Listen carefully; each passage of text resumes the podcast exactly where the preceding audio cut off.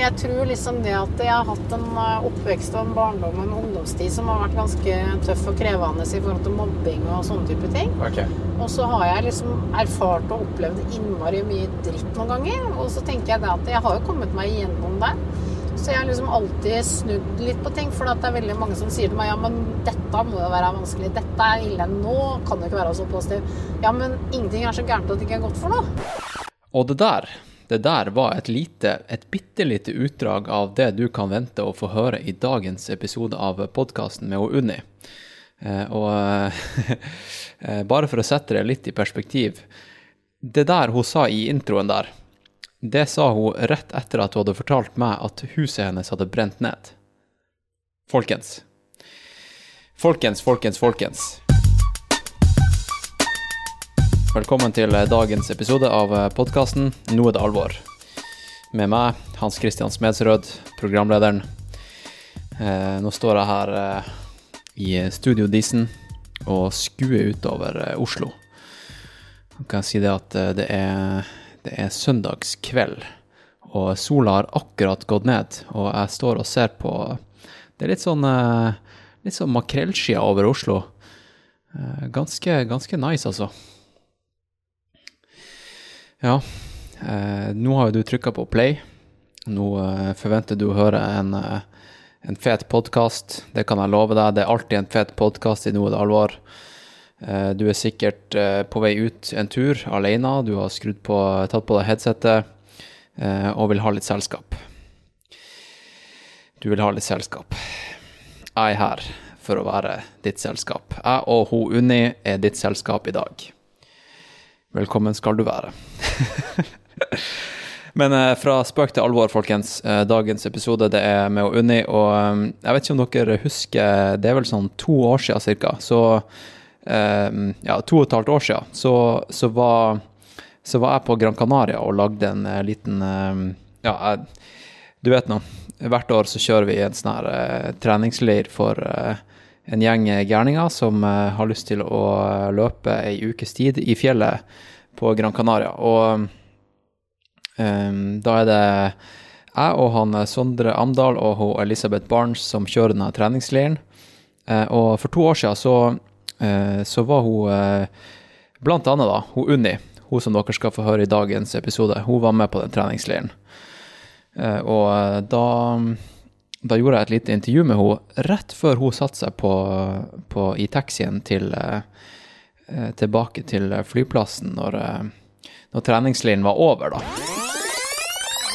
Min glade feriesang Elvira España Så det har jo vært utrolig fint å, å være med på denne turen her. Det, vi har vært, det har vært veldig mye oppover, og så har det vært veldig mye nedover. Og så har vi jo Og så har vi jo fått en fantastisk utsikt. Så det har jo vært eh, en utrolig tur med masse frisk luft og masse fine turer i fjellet og Har det vært noe god masse mat? folk. Det har vært veldig mye god mat. Ja. Spist egentlig altfor mye, men det er Nei, helt det syns jeg greit. ikke du gjør. Ellers da, tror du du har fått et bra treningsutbytte da, Auni? Jeg, Du, du sprang jo Bislett 24, for eksempel. Ja, hva, du er jo mer enn kapabel til å fullføre en sånn her uke, ja, altså, og, og for å absorbere det.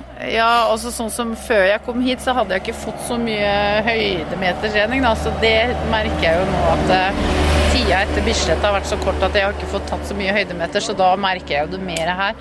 Men jeg skal jo være med på hele Soria Moria til verdens ende i mai, så jeg tenker jo at dette her gir jo en veldig sånn solid eh, base til på en måte å fortsette å jobbe med å trene mot akkurat det løpet, da. Ja. Så jeg, jeg syns jeg har fått veldig, veldig mye ut av dette oppholdet. og Soria Moria til verdens ende, det er 100 miles. Ja, første 100 milesen, vet du. Så det blir veldig moro. Det gleder jeg meg veldig til.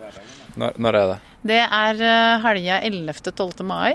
Så da, og så tror jeg at eh, man kan bruke maksimalt 33 timer, så da er liksom målet å komme til mål før 33 timer er gått.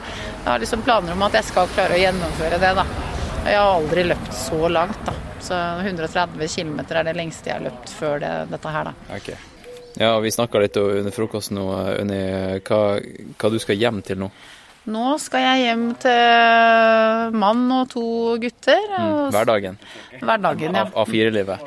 Eh, Ikke helt A4-livet, for vi lever jo et litt annet liv enn mange andre. For vi har et, eh, en ungdom i hus som har eh, ADHD og Tourettes sterk grad, pluss en del andre tilleggsproblematikk. Men, Så men det er din A4, da? det er min? A4-dag, ja. ja. Ja, selv om det er, det er jo det livet vi Alt er kjenner, da. relativt, ja. Ja, alt er relativt, ja. Ja. Så, men det er et veldig interessant liv. Du, du må leve ganske i øyeblikk, og du må være klar for det aller meste i løpet av en dag. Så det, det, det blir aldri kjedelig. Nei, jeg tror det er kanskje derfor du gjør det bra i ultra også. Ja, ja. jeg tror nok det at du Altså, i og med at vi lever sånn som vi lever, da, så må du være forberedt på det aller meste. Og så må du på en måte være villig til å snu om på femøren, så du er veldig vant til å omstille deg og takle alt, egentlig. Mm. Så mentalt sett så er jeg veldig sterk sånn sett, da. Hvordan, hvordan baker du inn treninga i hverdagen, når det er såpass mange sånne variabler, da? Alright, så det var hun Unni for over to år siden. Og um, som sagt så, så ville jo jeg da dra hjem til Unni, eller eh, møte hun og få ha litt bedre tid med hun og sette meg ned eh, og rett og slett bare ta en en totimers, en tretimers podkast med henne for å høre hvordan er det hun klarer å få hverdagskabalen til å gå opp. Hvordan klarer hun å kombinere det å være ultraløper og ultrasvømmer og ultramamma. Hvordan klarer hun det? For Unni hun er ikke den raskeste i verden. Hun er en som som regel er bakerst i feltet, og som eh, har som agenda å klare å fullføre. Og eh, det føler jeg er kanskje litt sånn eh, Ja, vi må egentlig snakke Jeg må egentlig snakke mer med sånne folk, fordi at de beste historiene, de mest inspirerende historiene, det er fra den såkalte back of the pack. Altså dem som er bakerst i feltet. For det er ofte dem som jobber hardest for å, få, for å komme seg til startstreken på et ultraløp. De raskeste, de har ofte en, eh, en hverdag som som gjør det litt enklere å bli kjempegod. De er kanskje også født med, med gode gener eh, og eh, et naturlig flott løpesteg, og um, har ting litt litt mer tilrettelagt for at de skal løpe kjempefort. Men eh, hun Unni hun har vokst opp med en god del mobbing. Hun har vært overvektig. Hun har en, eh, en sønn som har eh, ekstrem Tourettes og ADHD. Huset hennes har brent ned, og um, det er egentlig ganske mye i livet hennes som, som tilsier at hun ikke skal få det til. Men hun får det til, folkens. Hun får det til. Alright, så, så før, eh, før vi starter dagens episode, tenker jeg at uh, det kan være greit å, å informere dere om, uh, om et uh, samarbeid som jeg har inngått med en, en tjeneste som heter Bruce, som jeg faktisk nettopp ben, benytta meg av. Og um, jeg vet ikke om dere hørte forrige episode, men der snakka jeg også om Bruce. Og Bruce, det staves B-R-U-C-E, akkurat som Bruce Springsteen og eh, Bruce eh, Willis, eh, Bruce eh, Almighty. Eh, Men Bruce, da, det er et abonnement som, som rett og slett gjør at du kan trene på ufattelig mange steder. Altså, jeg, jeg kan nevne i fleng. Klatreverket, altså nå snakker jeg om Oslo, men fordi jeg bor i Oslo, og de har faktisk bare et samarbeid med, med senter i Oslo og Bergen foreløpig i Norge. Men eh, jeg bruker i hvert fall eh, Myrens eh, sportssenter på, nede på Torshov, eh, og eh, Klatreverket, og eh, Oslo klatresenter på Skullerud. Eh, De har samarbeid med masse crossfit-gymmer og yogasenter og svømmehaller.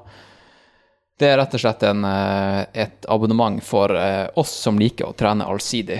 Og eh, nå går vi jo da mot eh, kaldere tider, og eh, kanskje noen av dere kommer til å løpe litt på tredemølle i vinter, jeg vet ikke. Men eh, det kommer i hvert fall jeg til å gjøre. Og i dag var jeg på Myrens og trente styrke, eh, og eh, jeg så da inn på tredemøllerommet at de faktisk viste eh, Først når jeg gikk inn på senteret, så, så gikk jeg forbi det én gang, og da, da hadde de sånn her Sier signal på skjermen, altså fjelløpet nede i, eh, i Sveits.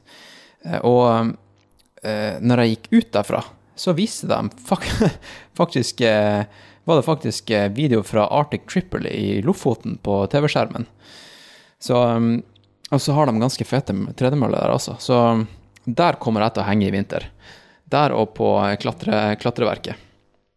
Så hvis dere, eh, hvis dere går på Hvis dere laster ned appen Bruce, eh, den kan dere finne på bruce.app, som er nettsida. Eh, Og så, når dere har lasta ned, så kan dere bare skrive 'ned', da. Ned da inn i, eh, i chat-feltet. Så får dere 50% avslag på første måned. Det er en ganske sweet deal, folkens. Til og med uten denne rabattkoden. 699 i måneden for å trene hvor dere vil. Hvor dere vil, bortsett fra Sats. Det syns jeg er en ufattelig bra deal. Rett og slett. Um, All right. Og så var det én ting til før vi startet denne episoden her. Eh, Og det er at eh, jeg fikk en ganske fiks idé i dag tidlig. Og det var at eh, hvis, du, hvis du er en ivrig lytter av Noe det alvor, og, og kanskje tenker sånn Shit, jeg har opplevd noe ekstremt i livet. Eller jeg har gjort noe forferdelig. Eller jeg har jeg rett og slett bare opplevd noe helt ufattelig som jeg vil fortelle alle i hele verden om. Men det er såpass drøyt at hvis jeg forteller det, så kommer jeg til å ødelegge mitt rykte, eller mitt renommé, eller mitt personlige brand, at eh, jeg tror jeg bare står over. Kanskje f.eks. du bare har fortalt din bestevenn om det her. Kanskje, kanskje du ikke har fortalt noen om det her. Men da tenker jeg da at det, det er så mange som sitter med sånne her historier, og eh, spesielt eh, folk i ultramiljøet, de starter jo ofte med ultraløping fordi at de har opplevd noe ekstremt. Så jeg tenkte da, for å, for å få de her historiene da, på podkasten, eh, uten at eh, folk føler seg eh, exploita eller utnytta, så vil jeg gjerne tilby en helt anonym samtale. Og eh, vi trenger rett og slett ikke å eh, si hvem du er. Vi kan eh, blurre stemmen din og gjøre den litt sånn slow-mo-aktig. Sånn som eh, Jeg vet ikke om dere har sett på Dagsrevyen, f.eks., når de har sånne her eh, anonyme intervjuer der de har liksom et mørkt rom, og du bare ser silhuetten av den de intervjuer. Eh, og så gjør de stemmen, tar de ned pitchen et par hakk. Sånn kan vi gjøre podkasten. Har du vært kriminell? Har du eh, Jeg vet ikke. jeg vet ikke. Det kan være hva som helst, folkens. Og hvis du ikke har lyst til å møte meg face to face en gang, så kan vi ta det på, på telefon, og du kan ringe meg med anonymt nummer. Eh, og så kan du få vennen din til å, til å hooke oss opp. Altså, det er mange måter å gjøre det her på, men eh, jeg tror det der kan bli en ufattelig fet podkast. Og så er det jo da en god del eh, podkast i eh, vente, da. For eksempel da eh, På fredag skal jeg intervjue hun Celine Haga, hvis dere vet hvem det er. Hun er en, en MMA-fighter, en, eh, en løper og en klatrer. Spot on for denne podkasten, folkens. Eh, Og på torsdag skal jeg intervjue han eh, skal, skal jeg prate med han Askild Vatnbakk Larsen igjen. Som har vært skada nesten helt siden han sprang det her ultraløpet Trans Gran Canaria, som var det siste løpet før Som egentlig Altså siste store internasjonale løpet før, før covid-19 eh, rett og slett bare bombarderte hele verden. Eh, Så hva har han Askild lært av alle de her skadene? Det blir interessant å, å høre. Ok, nå har jeg holdt dere på pinebenken altfor lenge med lang intro, så jeg tror vi bare skal ta og, og starte denne episoden som jeg da gjorde med Unni eh, i eh, Det som skjedde, var at jeg sykla til Hoff, som er i Vestfold, der Unni bor. Eh, og, og så satt vi oss rett og slett bare i bilen hennes med en gang, og kjørte langs det her vannet som heter Eikeren som, eh, som eh, er veldig relevant for, eh, for podkasten, fordi at um, Unni hun svømte Eikeren på langs, som er rett og slett et halvmaraton, eller 20 km. Hun svømte hele jævla driten. Og eh, hun har svømt eh, Horten-Moss, hun planlegger å svømme eh, Engelske kanal på tvers. Og um, hele den podkasten her, den er egentlig bare en lang biltur. Og um, andre halvdel, da, den er etter at bilturen er over. Så lydkvaliteten den blir bedre når bilturen stopper, fordi da er det ikke bil, uh, billyder i bakgrunnen. Men uh, innholdet er bra. Jeg tror det er veldig inspirerende. Uh, jeg vil eh, gjerne takke for oppholdet, Uni. Jeg har ikke glemt deg, selv om vi ikke har prata på en stund. Det var rett og slett en uforglemmelig dag eh, i hoff. Så um, folkens, folkens, folkens, folkens.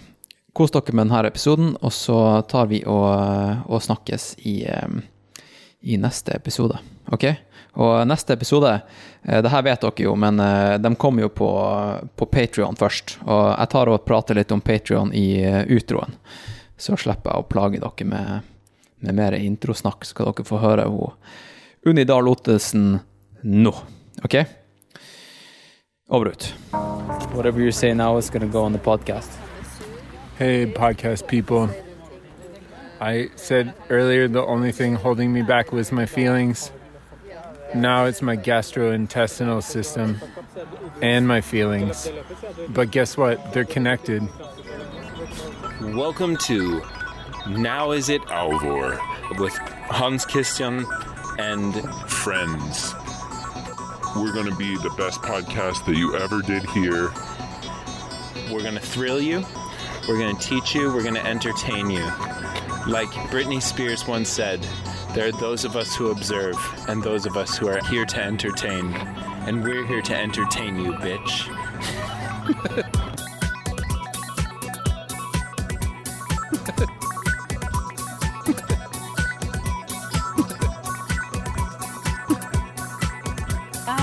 har jo liksom fulgt med på det du har lagt ut Ja. sånn, eh, og hørt litt på hva du har sagt og sa. Så jeg, jeg Ja. følger liksom, liksom litt sånn med når jeg ser du har lagt ut noe, men det Ja, du skjønner at det skjer ting? Ja, ja, ja, men det er jo morsomt, Det, da. Og så er det- jo veldig morsomt å støtte deg, støtte deg da. Ja. Jeg synes det er kult, da. Det er jævla fett at du gjør det. ass. Sånne, jeg, jeg liker veldig det der med unikhet, at den gjør noe som ikke andre gjør. Ekstremt nisje. Ja, Det er fett. Det er alltid veldig kult. Ja.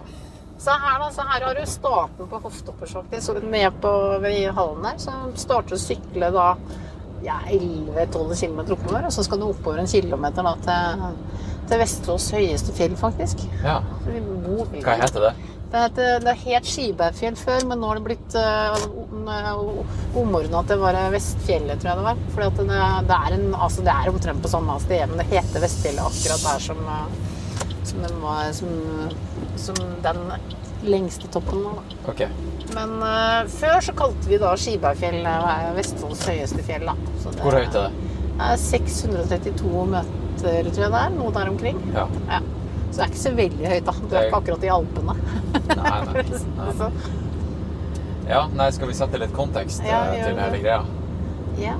Ja. Hva, har du lyst til å gjøre det, eller? Du, jeg veit ikke hva jeg skal si. Så Nei, det men må du eh, bare nå, si. det her er jo da offisielt, kan jeg si, da, sånn første episode som er del av Yolo 2.0-prosjektet. Ja. Eh, Der jeg sykler rundt til folk som har eh, invitert meg til hjemmene sine for å podkaste og rett og slett bare besøke og ha det fett en, ja, en kveld, en dag, whatever. Ja. Prate litt. ja. Og den eh, personen jeg er hos i dag, det er jo deg, Unni. ja. Du Hei. er jo, eh, du er jo Du har vært eh, med i podkasten tidligere. Ja, Mm, stemmer Et par ganger. Ja. Første, første podkasten din, tror jeg det var. Var det ikke det? Ja. Nå, Første gang på Gran Canaria. Ja, for den andre eller tredje episoden, Ja, tror jeg. i hvert fall det. eh, Fra Gran Canaria. Ja. Og så var du med i årets episode fra Gran Canaria. Ja, stemmer Ja. det. Ja. Så du er liksom hun gran, gran, Granca granka, Granca, Granca, Granca. Ja. ja. Det var meg. Jeg sniker meg med sånn litt sånn innimellom, liksom. ja. Ja. Nei, altså nå, eh, nå har jeg da sykla fra Oslo til eh, Hoff, der du bor. Ja. Eh, Og vi er da i bilen din og kjører litt rundt. Vi har kjøpt litt mat som vi skal spise i kveld. Ja. Handla inn ingredienser til taco. ja. Den, ur, den urnorske retten taco. Det som er veldig enkelt å lage. Ja. Ja. Jeg er veldig fan av taco. Ass. Ja. Det er jo næringsrikt og godt og Ja, sosialt og har jo hele pakka. Absolutt. Ja. Eh, og så eh, tenkte jeg da at vi kunne ta den her eh, podkasten er kanskje best å bare ta på sparket i bilen Ja. mens vi nå er her, og ikke drive og vente med å liksom sette oss ned rundt bordet og liksom Nå skal vi lage podkast, Unni. Ja, ja, nei, vi kan bare kjøre på, vi. Fordi det, det er ikke i, i verken din eller min ånd det å sette oss Nei, ned nei. og lage podkast. Har ikke tid til sånt, vi. Har ikke tid til å lage podkast. Vi har ikke tid til å sitte her nå. Nei. Nei. Så, um, så uh, da sitter vi her i bilen, da, og, og du kom med den uh, kjempegode ideen om at vi skulle kjøre til et uh, vann. Ja, nå skal vi kjøre bort til Eikeren, og det er eh, Vestfolds eh, største innsjø. Ja. Og jeg og en kompis eh, blei plutselig enige om det for eh, Ja, det er vel ja, vi, vi svømte Eikeren på langs i fjor. Og før det så var det ingen som hadde gjort det. Jeg hadde hørt eh, veldig mye om at det var veldig mange som syntes det var veldig, veldig veldig langt. Og så var det noen som syntes at det, det var jo umulig å svømme. Og da, det er jo akkurat som å erte på seg gråstein. Vet du. Da, Ja, ja. Når noen- sånn. ja. Når noen sier at nei, det tror vi ikke er mulig, da blir det sånn ja, Da kommer hun Pippi kanskje det. i. Ja, da kommer hun fram. Så da tenkte jeg at nå skal jeg vise deg hvor vi kom inn, og så skal jeg vise deg hvor vi starta. Okay. Og så skal vi kjøre langs Eikeren hele veien, for at vi har en eh, vei som går langs hele Eikeren. Så da skal du få se hvor lang den egentlig er. For det altså nesten 20 km, da kan du si det Det å løpe nesten 20 km, det er på en måte veldig greit for mange. Ja, det gjør jo de fleste lytterne av podkasten. Ja, gjør jo det for frokostsida. Ja. Men det å svømme nesten 19 km på én dag i én jafs, det er ikke så veldig mange som gjør etter meg. For å si det sånn. nei. Nei. Vet du hva, det har jeg faktisk ingen forhold til. Nei. Jeg kan ikke huske Jo, jeg var på Tøyenbane for Ja. eh, tre år siden, tror jeg. Mm. Eh, og da tror jeg jeg svømte Jeg tror kanskje jeg svømte 1000 meter på Ja. hele den, eh, den eh, treningsøkta. Ja. Men det var jo med litt sånn stopp her og der. Mm. Eh, og da var jeg sliten, liksom. Ja. ja, ja. Og jeg vet jo det at å svømme ute er jo mye, mye tyngre. Og spesielt da i det er ferskvann, sant? ja, dette her er ferskvann. Eh, og hvordan utstyr eh, bruker du da? Har du, hadde du drakt? Ja, altså når jeg svømte i Eikeren, så hadde jeg våtdrakt. Fordi at den Eikeren er jo veldig kald vanligvis. Altså det er jo, det er jo ikke veldig varmt der i det hele tatt på sommeren. Mm. Og så blei vi enige om at vi skulle svømme i begynnelsen av august. Og så tenkte vi da at da var det jo ikke så kaldt som det ville vært hvis vi hadde tatt det før. da. Ja. Så da blei vi enige om at vi svømmer med våtdrakt. Men så har vi også snakka litt om det at egentlig så burde den ha tatt den samme strekka uten våtdrakt. da. ja, for jeg, jeg, jeg gir deg et lite løft. Ja, det- våtdrakta gir deg kjempeløft. Du Ja. flyter som en dupp, for å si det mildt. Ja. Og så, og så er det jo mange får effekt av våtdrakten, men det er jo ikke alle som får det. Så det er jo noen som sier at de svømmer ikke fortere med våttrappa. Men for min del så svømmer jeg eh, vesentlig raskere med våtdrakt på. Så det, for meg så har det vært en veldig god effekt, da. Ja, fordi eh, hva er teorien da? At du ikke får det momentet hvis du har drakta? At du Eh, måte blir dytta av skyvet? Eh, Du kan si det sånn at eh, når du har drakta på, så flyter du jo på toppene av vannet, ikke sant? Og da får du en helt annen linje når Ja. du ligger i, i vannet. Og så er det jo sånn at eh, noen får jo ikke taket så godt til med våtdrakt, og da får de ikke den effekten av det. Men de som på en måte da får til svømminga på måte sånn når de har våtdrakt på, de vil jo merke det at, den, at du svømmer mye raskere ute, da.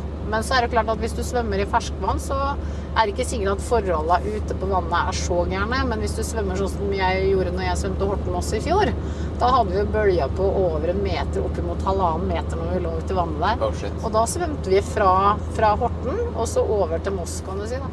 Så hvis du vil, så kan jeg kjøre til Horten ja. Jeg skal, jeg skal sykle til Horten i morgen, så ja, det, da kan du det trenger vi ikke gjøre. Um, ja, er det her Eikeren? det er ikke Eikeren.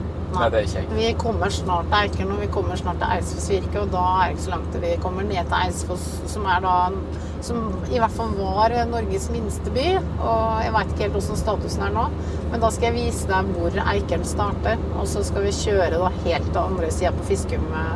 Så skal jeg vise deg hvor vi starta hen. Det her er jo dødskult, fordi at eh, som jeg sa til deg i stad, at eh, Ja. den her YOLO-turen er jo det er jo en unnskyldning for å oppsøke sånne små kriker og kroker Ja. i Norge som jeg aldri ville dra til ellers. Ja. Og nå, nå får jeg sett Norges minste offisielle by. Ikke sant? Og det, det er ganske kult, altså. Og, og noe annet jeg oppdaga når jeg sykla, er at eh, egentlig så sykler man eh, gjennom bare masse etternavn til folk. Ja.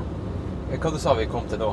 Eidsfoss kommer vi til Ja, nå. det, jo, det jo, høres ut som et etternavn. Ja, Jeg det- sykla forbi Hillestad i stad. Jeg Ja. kjenner ei som heter Karina Hillestad. Ja, ja, ja. Eh, og så eh, da jeg sykla eh, til Raufoss her for et par uker siden, så var jeg jo innom liksom alle de små småtettstedene oppe med Brandbu og sånt. Det er jo bare masse etternavn. Ja, ja, ja. Det er, Det er kjempeartig. det er helt rart, det der, altså. Ja, men du, eh, hvordan eh, For du er jo ultraløper, men Ja. eh, eh, du er også ultrasvømmer. Ja, du er rett og slett bare et, en ult, et ultramenneske. Jeg liker det å, å løpe langt, og så liker jeg veldig godt det å svømme langt. Men det kan jo ha med at jeg er, jeg er ikke kjemperask av meg til å løpe, og ikke kjemperask til å svømme. Men så er jeg innmari seig i forhold til veldig mange andre. Og da, vet du, da går han altså Gjør han det lenge. Og da er det jo fint. Så nå kommer vi snart ned til der som, jeg, der som vi kom opp når vi var ferdige å svømme. Ja. Så skal vi se. Så vi kom opp akkurat nede ved vannet her. Så det er fint her, da. Ja, det er Nå er det jo en flott sommerdag. Det er litt overskya Vi stoppe, sånn. vi kan stoppe her etterpå, så kan vi få kikke litt. Så det er sånn eh, gammelt sted, da. Men så her, her kommer vi opp. Og så nå skal vi kjøre helt på andre sida der vi starta. Ja. Ja, det Vi kan fortelle litt om liksom, hvordan det ser ut her, da. Ja. Eh, fordi liksom La oss, si- la oss si at eh, se oss, eh, Vi ser for oss en rytter som er ute på stien og springer, og så bare hører han at eh, vi sitter i en bil. ja. Det holder ikke. Nei, det Vi må ikke. forklare landskapet. Ja, det- Kan ikke du bruke ditt uh, rike språk til å forklare? uh, ja, altså Vi har jo Eikeren da på venstresida, og det er jo da Vestfolds uh, største innsjø. Den er også litt inne i neste fylke, kan du si. Så når- den går helt til Fiskum Jeg kjenner en som heter Marius Fiskum. Ja, ikke sant? Og da skal vi på Fiskumbrua. Og så har vi jo da sånn at det, det er en sånn vei som snirkler seg da langs vannet, så det er veldig sånn svingete og litt sånn småkupert vær hele veien. Og så er det jo da ganske mye sånn natur på begge sider. Du har mye skog og mye trær og Akkurat nå så kjører vi gjennom da et sånt boligfelt i Eidsfoss. Her er det ganske mange som bor. Så, og det er et stykke fra Hoff sentrum, da, så her må de ta buss og kjøre litt for å komme opp til sentrum. da. Men eh, hvorfor skal de til Hoff sentrum? Fordi vi var jo i sentrum i stad, og det er ingenting der. Skolen er, er oppe i er Hoff sentrum. der, Er ja. det skole og barnehage Ja, og sånn? sikkert noe, med legekontor og sånt. Ja, legekontor. For det er litt sånn greia med alle steder, er at det er liksom I hvert fall de minste stedene. Er bare et sted der folk har liksom de der basic tingene Ja. som, som liksom OK, du har en Kiwi, Ja. du har legesenter, du har skole, og så jobber folk på de her stedene. Mm. Ja, Og så bor de rundt de stedene. Og så bare går samfunnet rundt. ja. Men det er liksom ingen grunn til at det skal være et samfunn der. Det bare er et samfunn. Det er det, altså. Så samfunnet var på en måte Kanskje det var gruve i gamle dager, eller hva er liksom grunnen til at folk bosatte seg på Hoff? Hvorfor eksisterer Hoff? Nei, altså det er jeg litt usikker på. Det, det kan jeg vel ikke egentlig helt svare på. Men det er jo sånn bitte lite sted som har vært i mange, mange år, kan du si. Og før så var det jo sånn der som du kom syklende inn til meg, det er jo gamle Eidsfoss-traseen i forhold til togbanen. Så Ja, for det- det var togtrasé. Ja, ja. så det, togtraseen gikk faktisk der som du sykla inn grusveien til meg. Ja. Og da gikk toget da videre bortom mot Eidsfoss.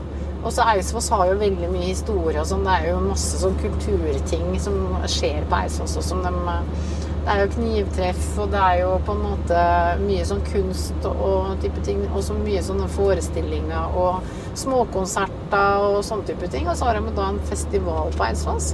Og den er jo også veldig populær da, blant både folk i hoff og rundt omkring hele Vestfold og Buskerud og sånn. Dæven, det er langt, langt vann her. Ja, ja, ja. Og vi er ikke kommet eh, langt på vei ennå, så dette her er bare begynnelsen. Shit, altså. Er. Ja.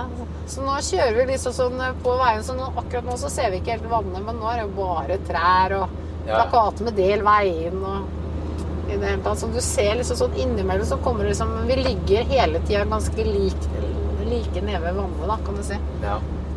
ja um, Så der kjører jeg sånn lita øy. Ja. Den svømte jeg forbi da. Også, du stoppa ikke der og hadde aid station på den? Nei, nei, nei, jeg hadde ikke det. vet du. Det er ikke noen som er utpå der. skal jeg si. Og jeg svømte jo uten å ha med meg noen følgebåt, men Espen møtte meg på campingplassene. Så vi kommer snart forbi campingplassene. Så kan du se bortover. Se Ja. bortover der. Det er ganske langt bort dit. Det er dritlangt. Mhm, ja. Så det, Shit, ass. det vannet er innmari svært. Det er ikke så veldig bredt, egentlig, men det er veldig langt. Ja. Kom du i avisa eller noe sånt? Oh yes. Du gjør det? Ja. ja, ja, ja. Jeg og Kristoffer vi blei lidseluse for en dag eller to. ja. Så, det, så jeg var sammen med en som heter Kristoffer eh, Larsen fra Holmestrand. Han er jo han svømmer fra ungdomstida òg. Ja. Og vi har faktisk gått på skolen sammen eh, på ungdomsskolen og videregående. Og så Han har jo drevet på med svømming eh, mye og har vært svømmecoach for disse ungdommene i Holmestrand og, og sånn. Og driver på aktivt sjøl som svømmer og sånn. Fordi han tror jeg du nevnte i første podkast Ja. du var med. Du Mm. nevnte en eller annen kar som var sånn lokal Ja, ja, ja. ultrasvømmer og sånt. Ja, og han, eh, han har jo svømt Horten-Moss. Han var jo en av de opprinnelige som svømte, som eh, på en måte arrangerer nå, da. Så han, han og Tom Remman og flere andre, de svømte jo sammen over eh, Horten-Moss før de da begynte å arrangere den svømmekonkurransen Horten-Moss Open Water, liksom. Så, det, så han er en av de da som var med på en måte og så var basen for det. Ja. Så han, eh, han foreslo jo det at egentlig burde man jo ha svømt uten våtdrakt hele veien nå. Så du skal jo se nå hvor la... Men det å, er, det for å på en måte gjøre det rent? Altså gjøre det cleant? ja, og så er det noe med det at Er eh, det sånn som stilen man eh, gjør det på som det, gjør det ekte? Det er liksom enda litt bedre da enn å svømme med våtdrakt, så er det jo det å svømme uten. Og sånn som eh, vi eh, Altså, jeg har jo lyst til å svømme den engelske kanalen da, for om fire-fem år. Og, Ja. og der er jo reglene at du skal svømme fra England til Frankrike med bare badedrakt, og så badehette og svømmebriller. Du skal ikke ha noe hjelpemiddel okay. i det hele tatt. Og, og det er liksom sånn at det, du skal også ha en sånn kvalifisering for å på en måte kunne svømme over. Så skal du kunne vise deg at du kan svømme seks timer i vann som er 16 grader eller mindre, tror jeg det er. Uten våtdrakt og sånn. Ja. Så du kan si det sånn at det er også litt sånn tanken at hvis man da klarer å svømme hele den strekka uten våtdrakt, så er jo det på en måte noe med at da veit du da at du kan klare å svømme ganske lenge uten eh, våtdrakt. For du må jo lære deg til å bli kjent med kaldt vann. Ja. Og Eikeren er jo kjent for å være kald. Her har du den, en sånn campingplass. Ja. Jeg tror det var ikke denne her, med neste som vi da stoppa på og fikk litt mat av Espen og sånn. Når vi svømte. For hvordan får du liksom langa mat når du svømmer? Må du, må du til land, eller? Er, er det lov Du, å, å? Altså Når vi gjør det som privat regi, og sånn, så er det jo vi som bestemmer det. Men eh, på åpenmåtekonkurranser på Lange, så er det sånn at vi får beskjed om at på den båten så kan du få mat, og så tar du gjerne og fester ting på den der livbøya di.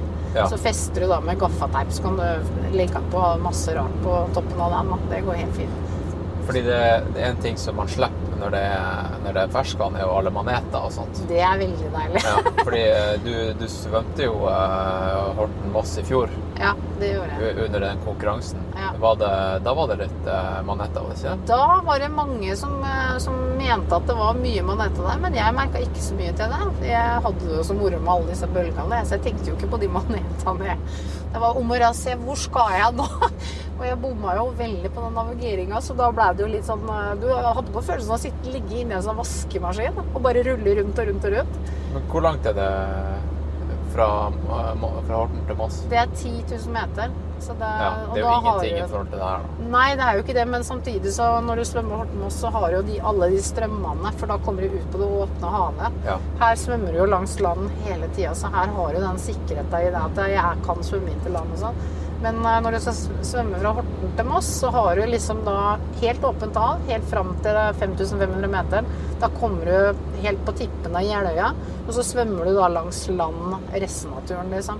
Men det er veldig mange som har sagt mye om det at når du kommer da midt ute på havet der og ikke har land rundt deg i det hele tatt, og alle deltakerne er spredd over alle kanter, da er det mange som har kjent veldig på denne ensomheten. Å, herregud, nå er jeg aleine på Ja, havet. sant.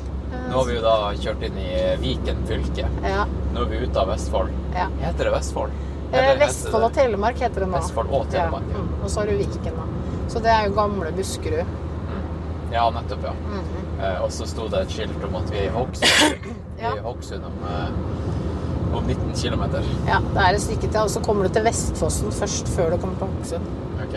Så nei da, så vi kjører langs vannet ennå. Ja, ja. Nei, lytteren skal få vite når vi er på, på, den, på andre sida av vannet. Ja, Så vi kjører fortsatt langs og Ja, det er et stykke, skal vi si det sånn. Ja, det er dritlangt, altså. Mm. Og så sier man jo det om eh, Eikeren, at den er veldig bratt, og at den er veldig, veldig langt ned. Du ser ikke båndet, og det er veldig langt ned. De sier jo det at det er eh, over 100 meter ned, kan du si. Så det, er, så det skal liksom ikke være mulig å treffe land. Men når jeg og Kristoffer svømte, så var det sånn omtrent når jeg var midt utpå, og så var jeg midt imellom uh, Fiskum bru og Eidsfoss eh, der. Så plutselig så kom jeg opp på et skjær på den type, og da kunne jeg sette av meg der og så vinke. så det var jo Det var egentlig den største oppturen med hele turen da, var at jeg kunne sitte utpå der og vinke. Og jeg er ganske sikker på at hvis det var noen som kjørte forbi da, så lurte vel de Men i all verden, hva er dette for noe, liksom? Så det hadde vært morsomt hvis jeg skal svømme den turen en gang til etter hvert. Så, så tenkte jeg at hvis jeg klarer å treffe på den, da skal jeg stå. Skal jeg stå, skal jeg stå på der og vinke. Da tror jeg det er noen som kommer til å lure litt, da. Så, så, så tanken er jo det at eh, det som hadde vært veldig morsomt, da, for at det er jo så mange som, som tenker at det er umulig å svømme én vei. Og, men jeg tenker jo at nå, nå har jeg svømt ene veien, og det gikk veldig bra. Og jeg kunne egentlig ha svømt litt tilbake igjen. Så neste gang så har jeg lyst til å svømme tur-retur, da. Ja. Og det, det er et bra stykke. Da er du liksom oppe i mellom 30 og 40 km, liksom. Et maraton, rett og slett. Det- er det en ja. greie? Er det en svømmemaraton som fins det? Eh, Jeg tror at du kan finne noen type konkurranser i utlandet og sånn, men det er ikke noe sånn i Norge. Og så var det jo ei venninne av meg som hadde liksom en idé om at hvis vi har 24 timers med løping, er det mulig å ha 24 timers med svømming? Og da var det noen som bare eh, Hallo! Ko-ko! Da var det noen som tenkte at nei. Har du sprunget Bislett 24? Ja, ja, jeg har vært med på 24-timersen, og det er jo så moro, da. Så jeg, det lengste jeg har løpt er 130 km. Så Ja. da fikk jeg medaljen, da. Men Hva, hva som skal til for å få medalje? Uff, det er mye løping. Det er, det er, masse, det er mange runder. Altså. Jeg Ja. aner ikke hvor mange runder det ble til slutt. Men eh, jeg var ferdig etter 22,5 timer, og så hadde jeg liksom bestemt meg for 130. Og da sa jeg nei, nå går jeg av, for nå er jeg ferdig. Så var det noen som Ja, men skal du ikke ha med den siste timen med han Stig Andy, da? Nei, jeg er ferdig. Jeg har 130. Så da, men da var jeg kjempefornøyd. Så da tenkte jeg skulle prøve å melde meg på igjen nå til høsten, da. Og så se om jeg kunne klare 150 km denne Ja. gangen, da. For du, du sprang eh, Soria Moria her for eh, to uker siden. Det, det gikk ikke helt Det eh, gikk ikke helt etter planen, nei. Jeg, jeg måtte jo gi meg. Nei, altså Det som skjedde, var jo det at det blei jo så innmari varmt. Og så blei det jo skikkelig møkkavær med lyn og torden og Ja. Så, det, så jeg blei jo egentlig litt tatt av varmen. Og så, og så Så tatt av lynet.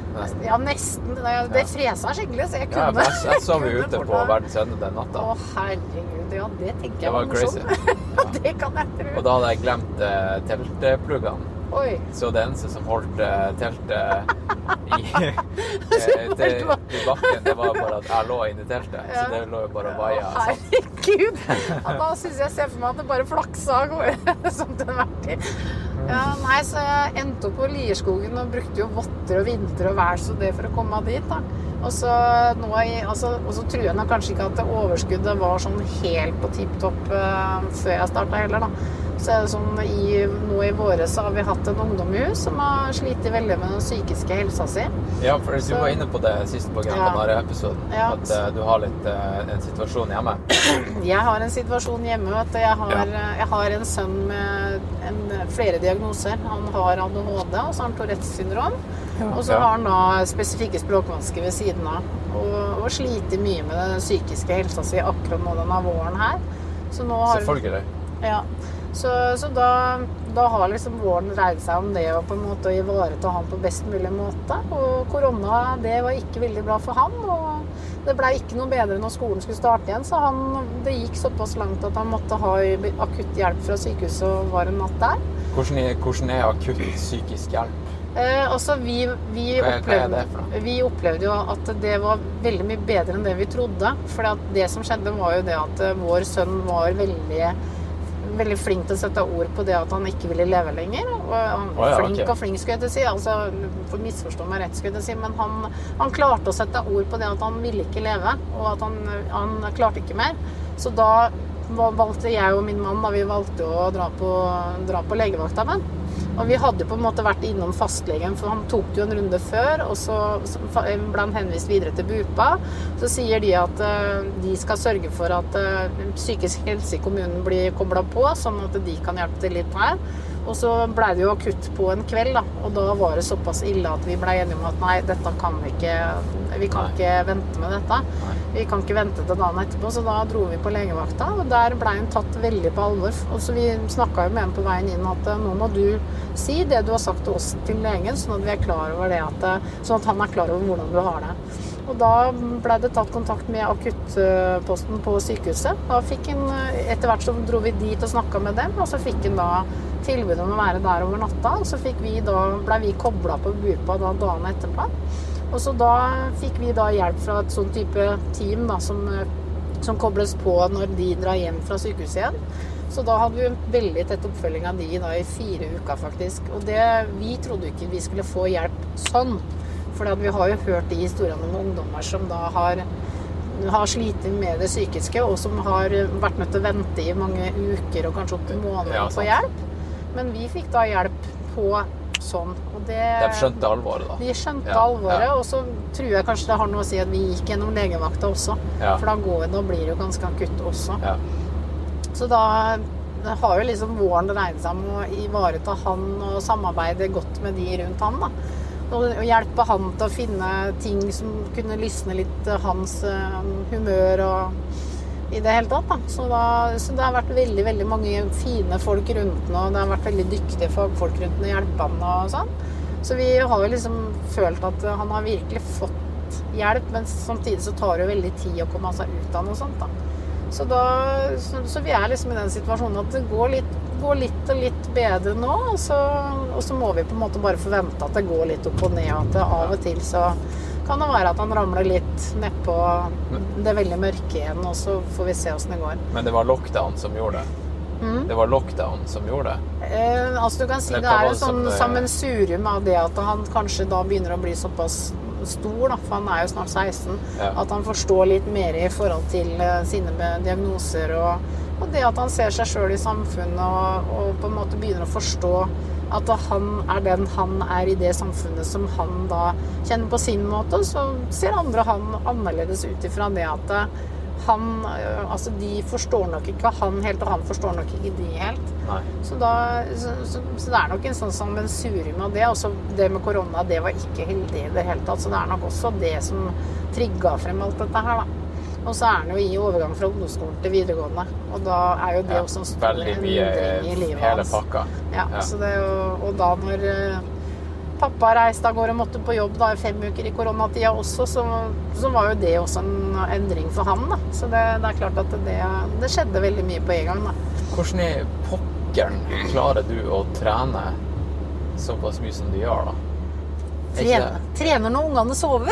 Ja, men hvordan er Fordi eh, det er, det er mange som har eh, ikke bedt meg, men spurt liksom, kan ikke du bare ha en podkast med noen som, Ja. som får til å sjonglere Ja. eh, hverdagen og, og løping og ultratrening Ja. og hele den Mhm. pakka der? Da. Jeg tenker Du er jo prima eksempel Ja. på hvordan du, Ja. hvordan du kan stokke kortene, eh, eller ja. sjonglere med tida, Ja. for å få det til. da. Så Ja. du får det jo til. Jeg får det til. Og jeg også kan si at det, et punkt er jo det at jeg er veldig indremotivert når det gjelder både løping og svømming. Og så er det jo det at jeg er veldig glad i å være oppe tidlig på morgenen, og så liker jeg å være oppe seint på kvelden. Så da Bra kombo.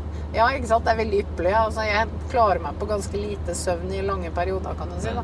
Men så er det jo det at eh, i og med at jeg har den ungdommen i huset som jeg har, da, så veit jeg da at jeg må være effektiv. Så da er det ofte sånn at jeg kan løpe en tur på morgenen eh, før jeg drar på jobb. Og da har jeg gjort unna én løpeøkt, og så har jeg kanskje en løpeøkt når jeg kommer hjem, eller at jeg svømmer sånn rett etter jobb, og så kommer jeg da hjem og er på en måte og, og når jeg kan svømme tidlig, så gjør jeg også det. For da er jo det i den tida som da ungene, eller ungdommene i huset da ikke trenger Eller som de bryr seg ikke så veldig mye om å snakke med mamma, liksom. Nei.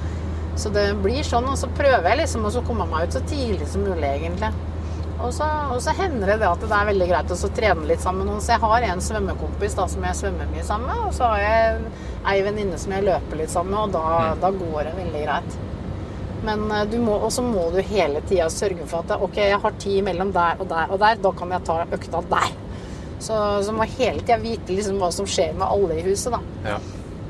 Så jeg veit jo da at hvis Mathias skal noe et eller annet sted, eller skal eh, på noe ting som jeg kan løpe imellom mens jeg venter på han, da, så kan jeg finne på å løpe noen kilometer der, og så løper jeg noen kilometer imellom en annen ting. Og så, så jeg prøver liksom å bygge meg opp kilometer her og der som jeg kan. da. Det er jo litt sånn her eh, med, med ultraløpere, det har du sikkert hørt meg snakke om før. Altså, Ja. det, er liksom, det er alltid noen sånne greier man tenker sånn her, Hva er det den, den, den, den personen der springer fra?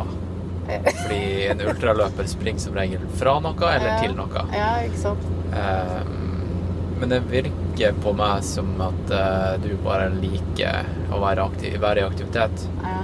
Jeg vet ikke. Har, har, du noe, har, du, har du fundert mye på det? Hvorfor du Eh, Altså, jeg har løpt siden jeg var ganske lita, egentlig. Jeg, jeg løp jo mye når jeg var liten, og så begynte jeg med ballspill, og så har jeg løpt imellom der, og så jeg driver på med sykling, og så gikk jeg tilbake til å løpe og sykle og svømme, og så var det ultraløping, og så duatlon og sånn, så løping har alltid vært en del av livet mitt. Og så er egentlig, og det som er så godt med løpinga, er jo det at jeg har fristedet mitt i løpinga, da. For at når jeg løper, altså hvis Espen er hjemme, så er det ikke alltid jeg tar med meg telefonen, for da bare kobler jeg helt ut. Ja. Og, og hvis jeg tenker at det er noe jeg trenger å tenke gjennom, så er det jo ypperlig å bruke en lang løpetur til det. Ja, sant. Ikke sant? Så løpinga fungerer jo veldig bra som sånn eh, Altså bruke tid til å tenke og bare å ha fri, og så avkoble helt, da. Ja. Og svømminga er jo ypperlig med tanke på det at den, da kan jeg på en måte ta og så bare slå helt av. For Ja. da har jeg ikke muligheten å ha med telefon eller noe. Ja, men altså, nå har du Så nesten solgt meg inn på å begynne å svømme. Ja, ikke sant? Her, trigga. Her. Nå er vi på enden nå. Ja, Starten. nå skal vi Jeg skal bare ta Ja. stoppe bilen med det her. Vi, vi starta på, helt på sida der. Nå har vi jo kjørt da en halvtime, eller vi har Ja. recorda en halvtime. Ja. Eh, og så langt er det vannet. Sånn, her kan vi parkere. Skal vi gå ut, eller? Ja, det jeg Ja. tenkte jeg skulle gjøre. Nå har vi Sånn. jo eh, sånn at den, den, den podkast-riggen her er såpass mobil at jeg kan ta den med hvor som helst. Ikke sant? Det er kjekt, altså. Det er kjempekjekt. Ja. Så. Skal vi se. Eh, Jeg kan si at uh, Unni har nå Så eh, nå, nå står vi jo like på ene enden av brua. Ja. Så da her nede starta vi da på, på venstresida av Fiskenbrua når du liksom går mot uh, her igjen. Og så svømte vi mellom, eller under brua. Og så svømte vi da eh, bortover her, da. Ja. Rått.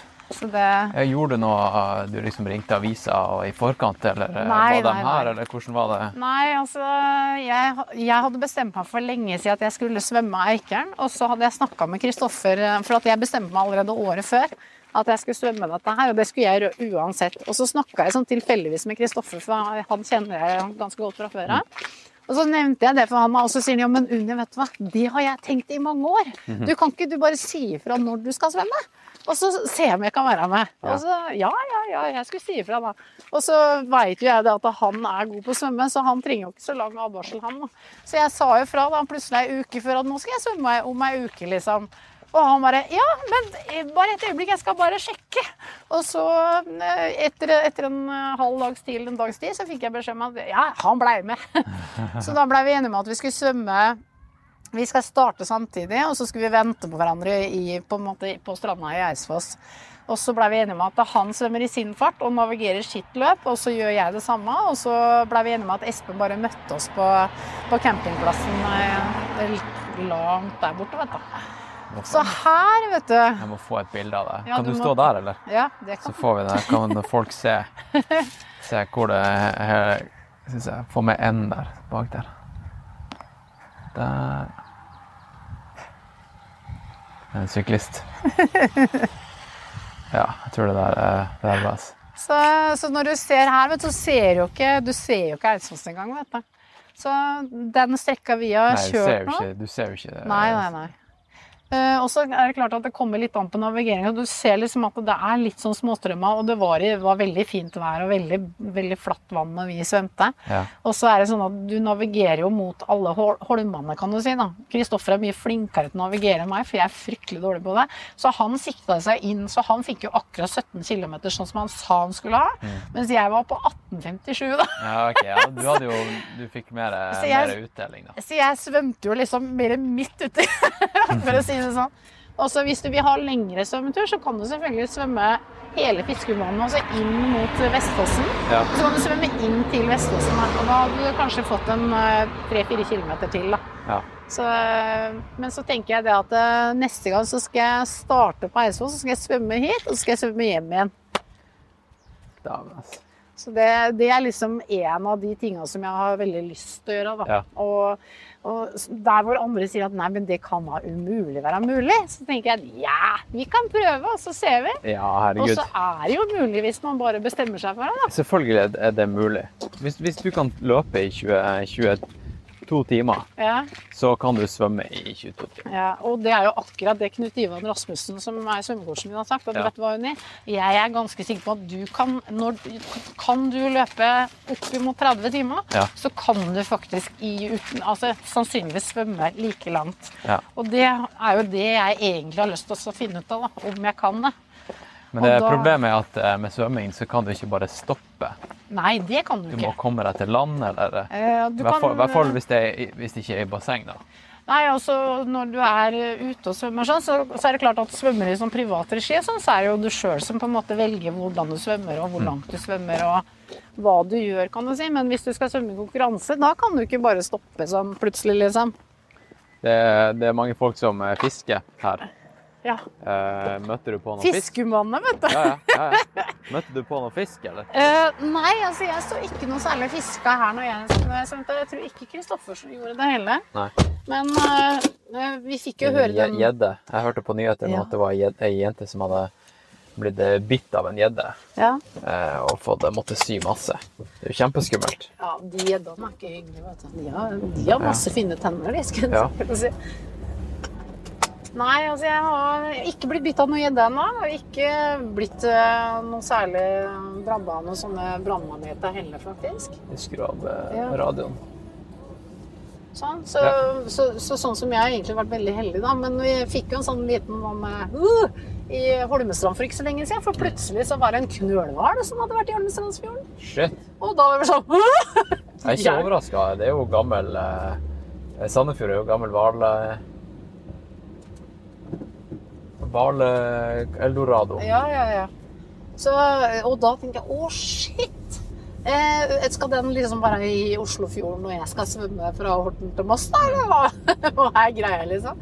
Og da kjente jeg at å nei! Men så tenkte jeg jeg skal jo over uansett, tenkte jeg. Så det, det får bare være han. Da får jeg bare treffe på han. Han er forhåpentligvis ikke sånn at han spiser meg, for jeg tror ikke han er så interessert i mennesker, han, liksom. Bare hvis det har vært hai, liksom.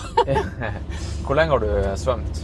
Eh, Jeg hadde en liten periode i var det 2013 og 2014 og halve 2015, tror jeg det var. Ja. Og da begynte jeg, og da var jeg faktisk på et kurs som eh, Tom Remman hadde, og så var Kristoffer med som eh, instruktør der. Og så hadde jeg noen sånne timer med Tom sporadisk og sånn, og så var jeg, og målet var da å være med på Haugesund på, eh, på den der eh, 73 Ironman, på den halv-Ironman der. Ja. Og så tenkte jeg det at det, det må jeg få til på et vis. Da. Så da, da var liksom det som var tanken med å begynne på svømming. For jeg hadde vært med på duatlon. Så jeg hadde vært med på hofftoppersen, på titoppersen og femtoppersen. Så tenkte jeg at nå det var litt kjedelig å løpe og kjedelig å sykle og sånn. Og så sier de ja, men da kan du jo svømme ved siden av, da. Ja, da gjør vi det. Så da var det egentlig der det starta med svømminga. Men så var det mye greier som skjedde i 2014 med huset vårt som brant. Og så var det jo var det en hel drøss andre ting som vi måtte ordne i forhold til det. da, Så 2015 blei litt torpedert. Det er Så 2015 gikk bort i, i husbrann. Ja, du kan si det sånn, det var mye som skulle ordnes etter husbrann, for vi Ja. mista jo alt vi hadde omtrent. Og heldigvis så kom ungene seg ut, for de kom seg ut ett minutt før huset var overtent. Oh, så det var jo bare Dæven, altså. Så vi vant jo det store lotteriet. Det var jo noen som sa at eh, ja, men dette her må jo være det verste som har skjedd når, vi, når de snakka med oss om husplanen. Så sa vi nei, kunne ha vært mye verre, for ungene kunne ha gått med. Ja, så, sånn sett så var det jo veldig greit å ha det fokuset når vi liksom skulle begynne å ordne med forsikringa og alt mulig. da. 20, 20, var det 2014 eller 2015? 2014, eh, 16. juni 2014 eh, mista vi huset. Så, så Det det år året- siden. Ja, eh, akkurat omtrent. Nei da, så da, da blei det liksom Da kokte jo svømminga bort i kålen igjen, og så og så var jeg med og hjalp til på Horten Moss, for jeg hadde jo egentlig tenkt at det hadde vært noe i 2015, men det fikk jeg jo aldri kommet meg så langt at den fikk gjort. Men så var jeg med og hjalp til i 2016 og 20... Nei, var det 2017 og 2018 Nei, 2015 og 2016. Og så kom jeg i snakk med Knut Ivan Rasmussen, eh, og han er jo da Norges, en av Norges beste åpenvattersvømmere. Han er vel den eneste norske som har fått medalje i et verdensmesterskap for masterssvømmere. Open-water-medalje. Ja. Og, og han eh, mente jo det, da, at han kunne sikkert klare å få meg over fjorden. da, for jeg tenkte at jeg, Og da hadde jeg ikke svømt på halvannet år, og var jo egentlig ikke god til å svømme når jeg, når jeg liksom bestemte meg for at jeg kanskje skulle prøve igjen. da, Og så sier han at ja, men du kan prøve, da. Og han mente jo da at han skulle kunne klare å få meg over fjorden, da. Så da starta vi et samarbeid i i januar 2017. Og det første jeg gjorde når jeg hadde time med var at jeg skulle svømme 400 meter sammenhengende på Tøyenbadet i 50-metersbasseng. Ja. Å herregud, jeg holdt jo på å daue.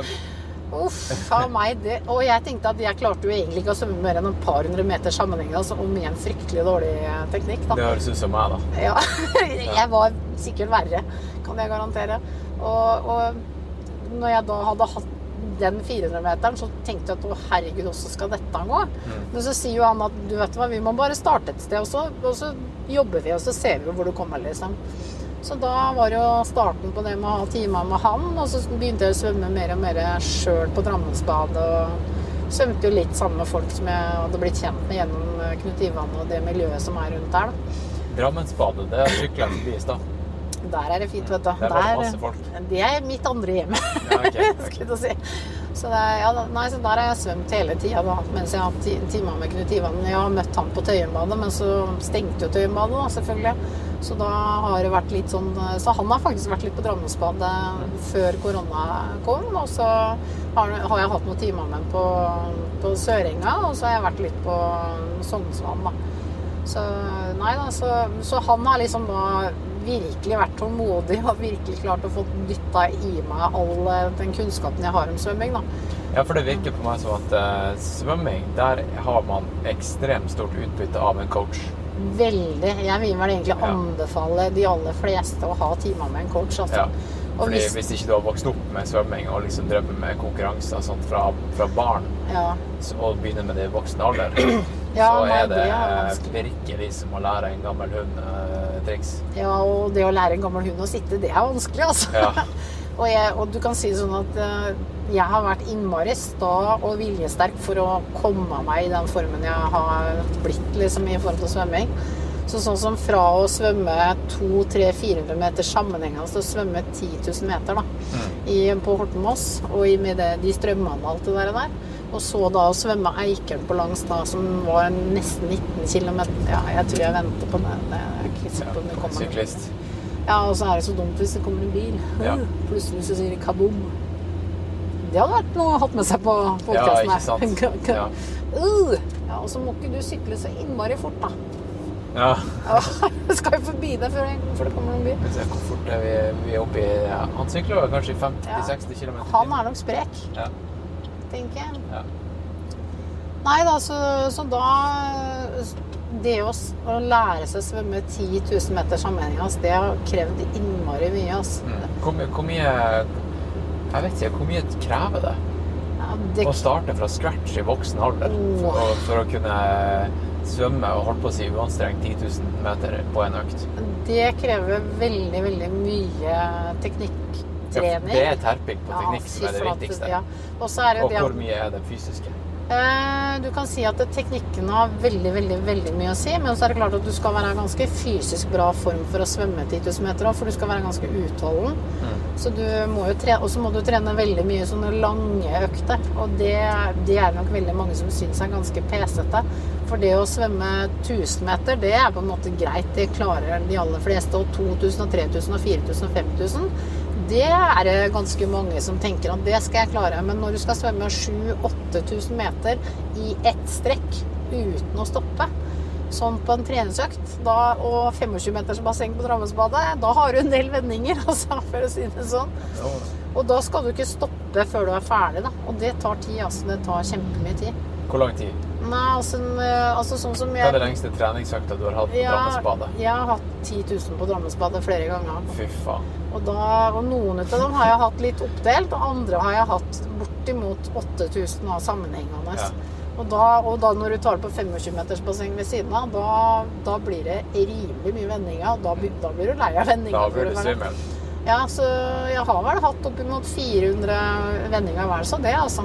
På én økt, liksom. Da, da begynner vi å snakke litt. Da begynner vi å snakke. Ja. Hvordan holder du tellinga? Jeg- sånn eh, Jeg har klokke. ja, nei, jeg hadde ikke hatt sjans. Jeg drive på å huske å ha telt? For Nei, at sant, når du kommer til 2000, liksom sånn sånn Hvor, hvor mange vendinger hadde jeg nå? Hva, hva kom jeg på nå? Så jeg har klokka på, da. Så den piper på hvert tiende, hver tiende gang, og da har jeg 500 meter. Okay. Så, så det er veldig greit, da. Ja. Nei, 250 på 25 meters basseng, og så er det 500 på, på, på 50 meters basseng, da. Men det er jo greit å vite at det er håp, da. Det Sånn, er håp. eh, hvis jeg skulle begynne å svømme i dag, Ja. hvor, hvor mange hvor mange økter i uka ville du anbefalt at jeg gjorde? Og eh, la oss si at jeg hadde en coach og sånt. Eh, tror du jeg kunne deltatt på et triatlon neste år og gjort det OK?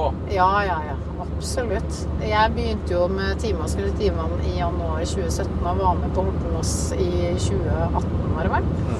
Og da, hadde jeg, og da kom jeg over på en ganske grei tid òg, syns jeg. da, For jeg brukte jo litt over fire timer over.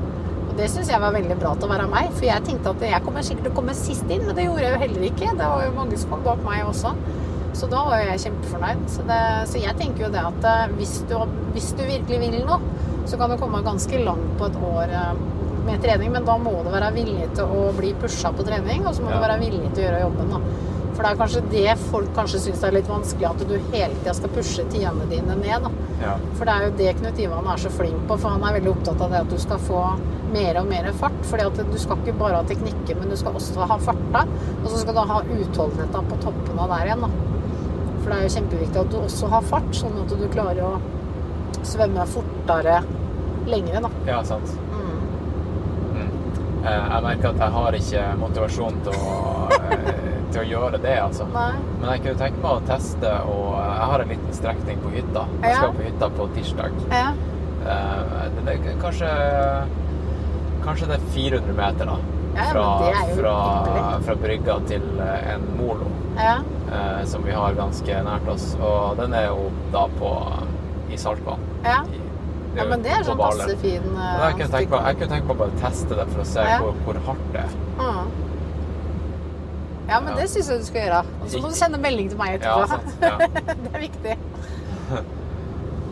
Ja, ehm, så det, det var på en måte Nå, nå, nå kjører vi tilbake da langs Ja. det vannet her. Ja. Ja, men det er svært, altså. Ja, ja, ja. Det er, det er, ganske bredt, fordi om det ikke Altså, det ser ikke så gærent ut, men det er et stykke over. Men samtidig så er det jo ikke så langt å svømme over der når du tenker på liksom den andre veien, da. Så, og så husker jeg jo liksom at det var en som snakka med meg like etterpå, når jeg sa at ja, nå har jeg svømt Eiken på langs. Ja, men er det mulig, da? Ja, det er mulig. Jeg har gjort det. og så fikk jeg, og så når jeg da, da annonserte på Facebook at nå har jeg søkt, og Kristoffer gjorde det på sin, og så jeg, så jeg at Kari Lingsom hadde satt en sånn liten en på, for hun er jo svømmer fra bånn og har svømt siden hun var ganske ung. da. Og hun hadde sittet og sykla sammen med en venninne rundt Eiken her, og så satt og snakka med hun når de sykla at ja, nei, egentlig så burde vi ha svømt Eiken på langs, og så dagen etterpå så pling! Ja, men Unni, vi snakka om det i går, og i dag så har du gjort det. så, det så var det morsomt, da. Fett. Mm. Du, hvordan er løpemiljøet og kulturen rundt eh, hoff? Det, har du mange du kan løpe sammen med? Nei, det er ikke så mange som Altså, det er Er det noen kjente løper. karakterer i området? Nei, det er vel ikke så veldig mange kjente i Lille Hoff, for å si det sånn. Så det, det er det dårlig med. Hva er nærmeste tettsted eller, Vi, vi er jo en del av Holmestrand, så det er jo mer løpere i Holmestrand, kan du si. Så vi, sånn Jeanette Vika bor jo, og Jimmy Vika de bor jo i Holmestrand. Og det er jo flere i løpemiljøet i Holmestrand som løper ganske langt. da Kristian Jare og Jeg kjenner ikke til Eh, det. Thomas Pinås han var jo med og arrangerte var det Ekotrail helt til å begynne med. Og så er det jo han, han og Kristian arrangerer vel den Oslofjorden rundt nå, tror jeg. Ok. Ja, for det er jo om ikke så lenge. Nei, stemmer det. Eh, skal vi se her nå, i dag er det fjerde. Jeg lurer på om det er Er det kanskje 1. august eller Det er i begynnelsen av august, tror jeg. Et eller annet sted der. Og det hadde egentlig vært innmari morsomt å vært med på den, for da jeg hadde jo fått med meg hele runden. da. For at eh, hvis man da løper fra, fra Moss til Horten, ikke sant, så kan jo jeg si at ja, men jeg har jo svømt fra Horten til Moss også, så da har jo jeg liksom tatt hele sirkelen. du kunne jo bare avslutta med å Ikke sant? Det hadde jo vært midt i blinken.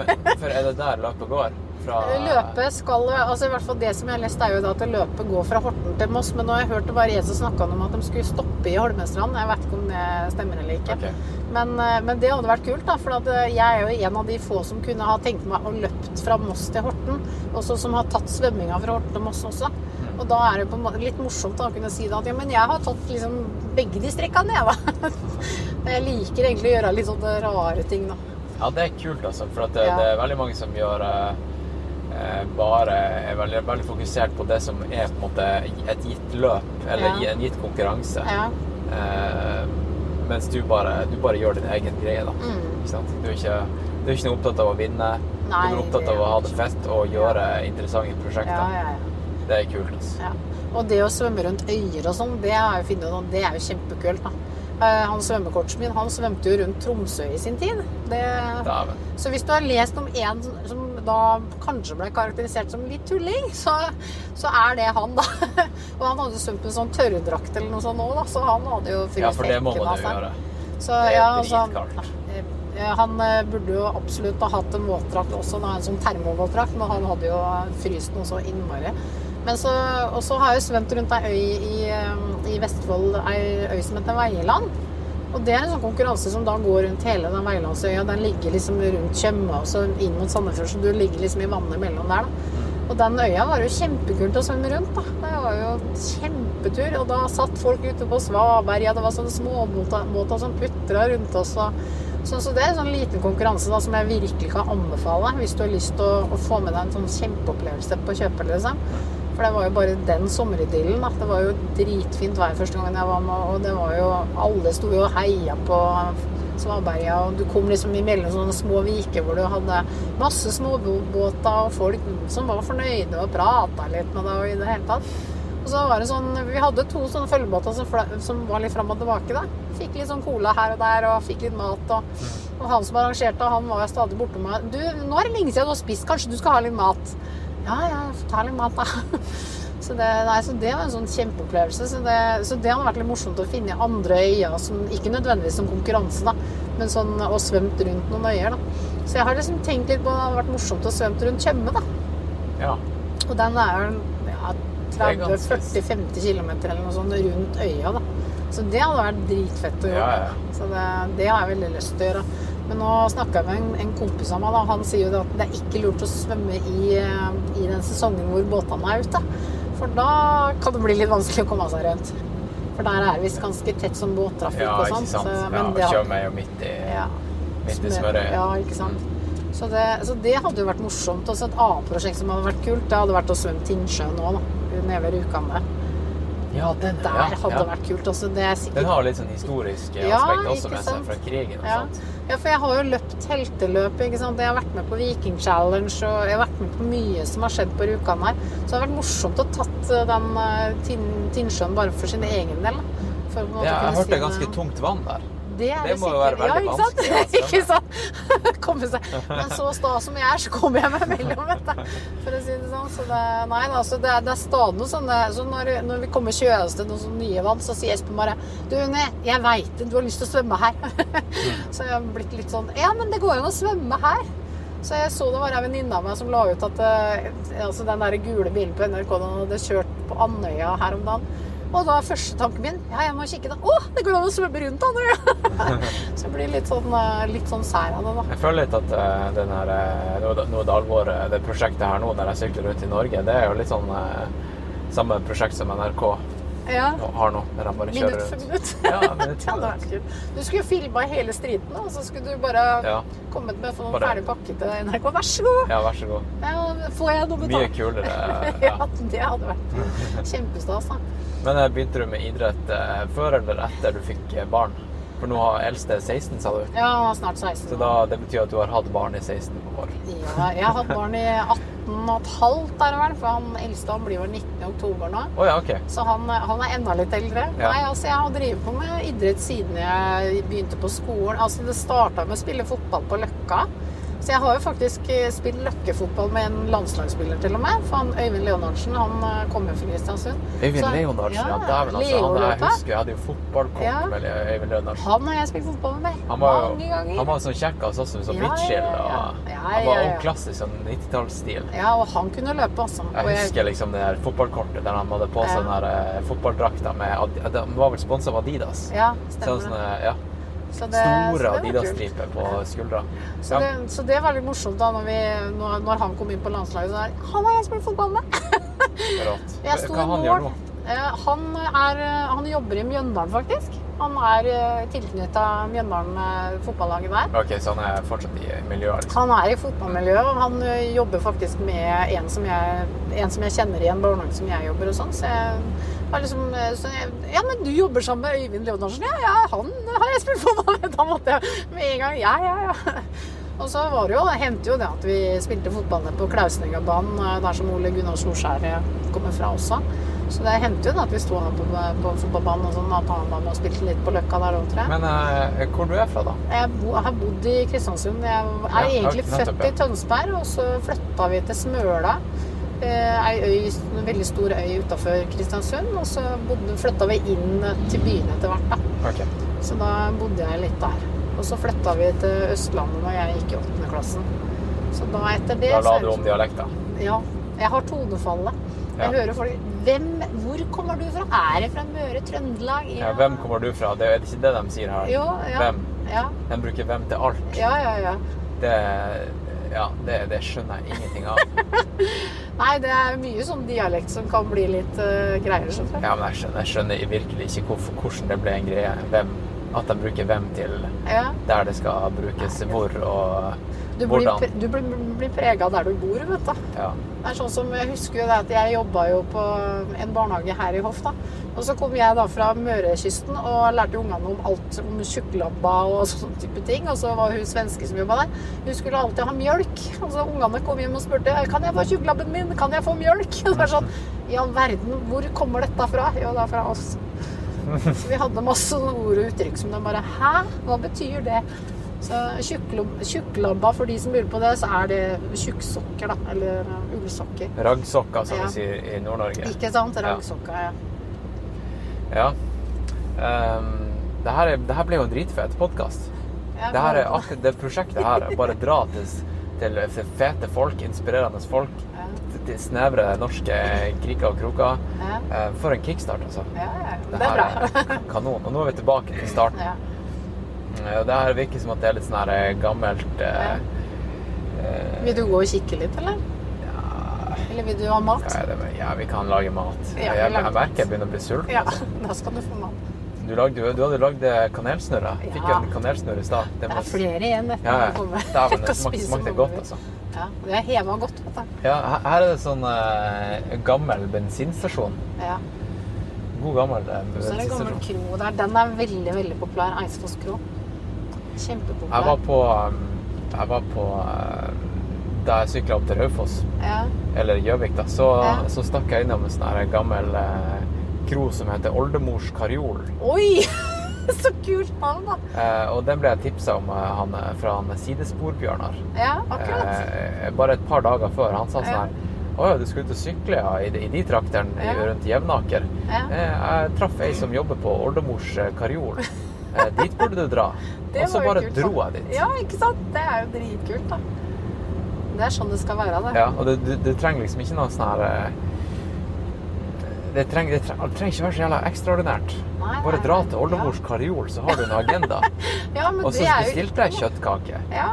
Og, og, og fikk eh, kålstuing og, Ja. og med poteter og eh, Var det like bra som han det, sa? var, det, var, det var bedre. Ja, ikke sant? Og, alt norsk eh, kost smaker jo sjukt bra når du har vært ute, ute lenge. Ja. En lang skitur eller Ja, ja, ja. noe sånn urnorsk. Ja. Eh, og, og liksom, ja. Ja, ja, ja. hva er ditt neste prosjekt, da? Eh, ja, nå, nå som eh, det har vært koronastengt eh, basseng og sånn, så tenkte jeg at å shit, dette blir tungt å komme av gang igjen. Og jeg begynte jo å svømme ikke nå denne uka, men sist uke. Og så fikk jeg jo heldigvis med meg Thomas på svømming. Så da har liksom svømminga gått veldig greit. da. Det er jo pes å komme av gang, for det er jo bare det å puste ordentlig og Ja, svømming, det kan jeg tenke meg er vanskelig å liksom ro i, ro i gang. Ja, det var heftig. Og det der å kunne klare å puste riktig, rotasjon og det med teknikk og alt, alt gikk jo halv på halv, halv tolv til å begynne med. Jeg falt tilbake et par år. Ja, føler jo det sånn, men selvfølgelig ikke et par år, da. Men du Ja. føler liksom at du taper både fart og teknikk og alt mulig, så det var jo pes den første uka. Og da tenkte jeg at åssen skal dette gå? Liksom, for Horten-Moss blir arrangert 22. august. Jeg, har liksom, jeg er påmeldt der og har liksom tenkt at jeg skal være med der. Men da tenkte jeg kjære venn, åssen går dette? da? Men så sier jo Knut Ivan ja, men du, det, du har tid, det går greit, så vi, vi bare trener på, og så ser vi åssen det går. Du kan prøve. Ja ja, tenkte jeg. Ok. Og så var jeg litt sånn pessimistisk sist uke, da. Men så tenkte jeg at nå denne uka her, så gikk det jo så mye bedre. Og da, vet du, så så jeg plutselig at Glommadippen, den går. Og da var jeg sånn Ja, vi prøver den. Glommadyppen, ja. Da, da svømmer du ned medstrøms i Glomma. Og så er det da du kan svømme 2 kilometer, eller du kan svømme 6 kilometer, eller du kan svømme elleve kilometer. Medstrøms, du kan bare flyte, da. Du kan flyte, vet du. Ja, ja, ja, ikke sant? Og så vanligvis så blir den kjørt litt tidligere på året, og pga. koronagreiene så blir den jo kjørt litt seinere. Og vanligvis så har du bare tre timer å bli ferdig med 11 km på, og det er litt heftig for min del, tenkte jeg, og spesielt nå. Men så har de jaggu meg gått opp til fire timer, vet du. Og da tenkte jeg ja, men da kan til og med jeg klare det. Så da tenkte jeg at ja, ja, i siste uke så var det sånn Nei, åssen skal dette gå? Og denne kanskje sånn Vi kjører Glommadyppen på 11 Ja, hvis det, er- hvis det er bra med smeltevann, så går det jo kjempefort. Ja, det blir så bra! Og så skulle jeg jo være med på Glommadyppen for et par år siden. Det var det året som den blei arrangert på Heiavannet isteden. Så jeg har liksom det, jeg, det er liksom noe jeg har uoppgjort der, at jeg skal liksom være med på svømme i Glom- Glomma. da. Så da tenkte jeg at da gjør vi det. Uansett. Og jeg har jo svømt mye i kaldt vann i år, siden bassenget har vært stengt. Så var jeg ute Jeg var jo ute i vannet fra vi kom tilbake fra Gran Canaria, vet du. Så begynte jeg å svømme litt ute. Jeg kjøpte meg sånn termodrakt, sånn at det, du kan svømme i mye kaldere vann. Ja. Og så sånn, eh, sånn, eh, sånn hette med sånn neopren, da, sånn at du kan svømme i veldig kaldt vann med huet òg, liksom. Okay. Og så, så og de, For å svømme Glommadyppen så, så er det lurt å ha svømt mye kaldt vann, for det vannet der er jo såpass kaldt, og det kan eh, Temperaturen kan bli ganske kald eh, fordi om det er ute på året, liksom. Så da har jeg svømt i kaldt vann, og så har jeg jo svømt innmari bra før koronagreiene kom. Så jeg tenkte at ja, shit, heller nå bare hiver vi oss på, så får jeg en sånn liten pekepinn på hvor jeg er i forhold til Morten Moss, kan du si også, da. Så da kan det jo bli artig, det. Så, det, så da, blir, da blir det spennende å prøve seg på det. Løpinga, da? Ja, løpinga, da er jo Jeg har veldig lyst til å være med på Bisletten hvis den blir noe av. Ja. Det er jo det som er liksom det store. Jeg har liksom lyst til å klare 150, da, for jeg hadde jo det som mål i fjor. Men så fikk jeg vondt i kneet i, når jeg hadde løpt fire timer, så da blei Sondre Amdal og jeg enige om at da kutta jeg, og så dro jeg hjem. Skikkelig sur og lei meg og gretten og satt og belja på toget og var ikke måte på. Satt og ergra meg flere uker etterpå. Så tenkte jeg nei, jeg gir meg ikke. Da blir det nytt forsøk neste år. Så da er Ja, det det ja. som er uh, hovedtanken. Da. ja. Ja, ja, jeg må jo Jeg må ha 150 der før jeg gir meg. Ferdig snakka. Om det så tar flere år, så skal jeg ikke gi meg før jeg får det til. Hvor er det du tar det her energien og positive mindsettet og den, hvor, hvor er det driven kommer fra? Og, eh, og i samme spørsmål, har du noen dårlige dager? Fordi nå, det, nå blir det jo veldig sånn her eh, Nå skaper vi et bilde om at du er liksom Du bare har en skikkelig drive. Har du en skikkelig drive? Hvor den kommer fra, og har du Jeg har vært sånn hele livet, egentlig. Jeg har alltid vært sånn eh, aktiv og stort sett veldig blid, da. Jeg har noen dårlige dager innimellom, men det er ikke så veldig mange som får med seg. Nei. For jeg, det er ikke så veldig mange som, som ser det når jeg er ute og sånn. Og så hender det da at om jeg har en dårlig dag, så er det kanskje en halvtime eller noe sånt som jeg kjenner at jeg, sitter der, og ellers så er jeg stort sett oppe og går eh, ofte. Ja. Så det, nei, altså, men jeg tror liksom det at jeg har hatt en eh, oppvekst og en barndom og en ungdomstid som har vært ganske tøff og krevende i forhold til mobbing og sånne type ting. Okay. Og så har jeg liksom erfart og opplevd innmari mye dritt noen ganger. Og så tenker jeg det at jeg har jo kommet meg igjennom det. Så jeg har liksom alltid snudd litt på ting, for det er veldig mange som sier til meg ja, men dette må jo være vanskelig, dette er ille, nå kan det ikke være så positiv. Ja, men ingenting er så gærent at det ikke er godt for noe. Og den tanken har jeg hatt med meg hele veien. Og så har jeg alltid tenkt at alt er mulig. Så da når folk liksom Ja, men Unni, nå må du slutte. Dette er godt. Du kan ikke være positiv nå, liksom. Ja, men det er jo noe jeg kan ta med meg, da. Når er huset noe- står og brenner, bare ja, ja, Ja, ja. ikke sant? Ja, Det, det, altså, ingenting er så gærent at det ikke er godt for noe. Det huset vi fikk, var dobbelt i verdi. ja. Og ungene kom seg ut. Så, så Ja, når vi mista alt, så mista vi ikke det viktigste i livet vårt. Da. Så, da, da, så jeg husker jo det at eh, han fra avisa var jo veldig opptatt av at han skulle snakke med meg. Og så til slutt så sa jeg ja. Da jeg egentlig ikke helt hadde egentlig ikke veldig lyst til det, egentlig, men så tenkte jeg får bare gjøre det til slutt. Da faen masa jeg så fælt. Ja. Og så ville jo han veldig gjerne at vi skulle ta bilde opp med huset, da. Og så sa jeg at det blir ikke aktuelt, for det er privat. Eh, Når vi er der oppe, Espen og jeg og ungene, så vil vi være i fred. Det er ingen som skal ta bilde av oss i forhold til det. Det syns ikke jeg er greit. Ja, nei, men hva, var jeg helt sikker på det? Ja, det er jeg helt sikker på. Det er veldig sjelden jeg sier nei, men akkurat der så var vi veldig klare på det. Eh, og da, og da ble vi enige om å møtes nede i byen. Da. Og da hadde jeg vært og susa litt rundt og kjøpt inn noen klær til meg og til ungene.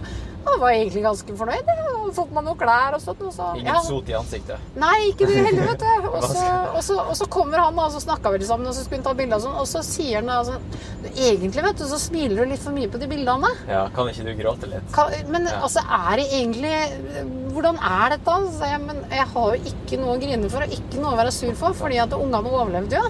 Så for meg, så Altså, det å miste et hus i forhold til det å miste to barn, det, det er jo ingenting. Så, så ingenting er så gærent at det det er Oslo. Det er jo bare ting, og det var kanskje den eh, lærdommen jeg satt igjen med dette her, at eh, det materielle betyr ikke så mye som det menneskelige, liksom. Så det er jeg veldig glad for at vi fikk en type erfaring for. Jeg jeg unner ingen å få Der- den erfaringen. det- Der, ja. Der tror jeg vi skal rigge litt. Kommer Han- en traktor med en sånn det jeg kaller for en marsh, marshmallow. Marshmallows, ja. ja. Men du, eh, det er interessant det der eh, med, med det, det materialistiske. At det er på en måte Har du eh, Hva det er det? To marshmallows og den andre bare ser ut som det henger som et slør bakpå. Og så må vi nevne at vi kjører jo den gamle Eidsåstraseen, eh, togbanetraseen. da. Ja, det, det er kult. Det gjør vi her. For Ja. her er den traseen. Her gikk togbanen, eller toget Fett. før, da. I gamle Det var, dager. det var Ja. jernbanelinje Ja. her, liksom. Nei, så det materielle betyr ikke så mye når du liksom ser det menneskelige i det. Og så opplevde vi noe helt spesielt eh, når, når alle visste at det var huset vårt som gikk. Ja. Så kom det jo folk i bøtter og spann. De kom med klær, de tilbød barnepass, de kom for å snakke med oss, for å gi oss klem, for å på en måte si til oss at det, er det noe som bare sier fra? Så bygdesamfunnet her var jo bare helt fantastisk i etterkant.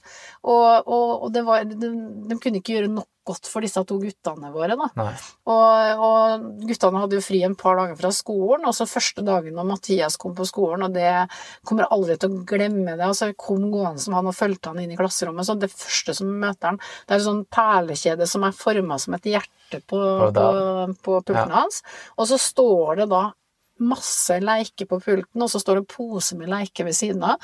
Og da hadde da elevene og læreren spontant gått inn til innsamling til Mathias, for at han hadde ikke leker, så hvis noen hadde noen leker å dele med han, så kunne de ta med det på skolen, og det gjorde de. Så da kom jo Mathias, Mathias var jo kjempefornøyd, han hadde jo to-tre Ja, ja. poser med leker han da han kom hjem fra skolen. Og så kom vi jo da på på avslutninga med Oliver dagen etter der igjen, så hadde jo syvendeklassen da avslutning, for da avslutta han barneskolen.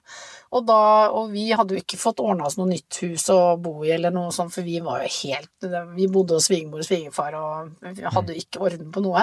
Og så kommer det da ei som jeg spilte håndball med, sammen bort og satt sammen med svigerforeldrene mine som var med, da. Og så sier hun plutselig Men du, det er kanskje dere som har mista huset deres? Ja, sier jeg, det er oss. Men du, der er venninna meg, hun har leid et hus i Hoff her nå, som på en måte skal flytte ut, og vet du hva, hvis du vil, kan du få telefonnummeret til hun dama, og så skal du bare si at jeg kan være referanse for deg. Og da i løpet av tre- to-tre dager da, så hadde vi hus på Hanna, i Hoff. Og ungene var jo så tydelige på det at de ville ikke vekk fra Hoff mens vi bygde nytt hus. Og da, smakk, så satt vi med både sted vi kunne bo, da flytta vi inn dit etter en tre, uka, tre ukes tid. Og så fikk guttene da være i miljøet sitt, så da bodde vi liksom én kilometer fra hovedveien da, på andre sida. Så, så det er liksom det altså, Alle var liksom så opptatt av at vi skulle ha det bra og få Ja, klær kult og sånne passe på og sånn. Og det er så Ja. fantastisk, det der samfunnet. Så, og så bare liksom det der at alle, når du møtte dem, så var det sånn Er det noe vi kan gjøre for deg? Mm. Bare si ifra. Og det var, jeg har aldri opplevd maken altså, til, det, til det der, og vi var så takknemlige. Så tenker jeg det at ut ifra en type tragedie, da, så opplever du noe sånn.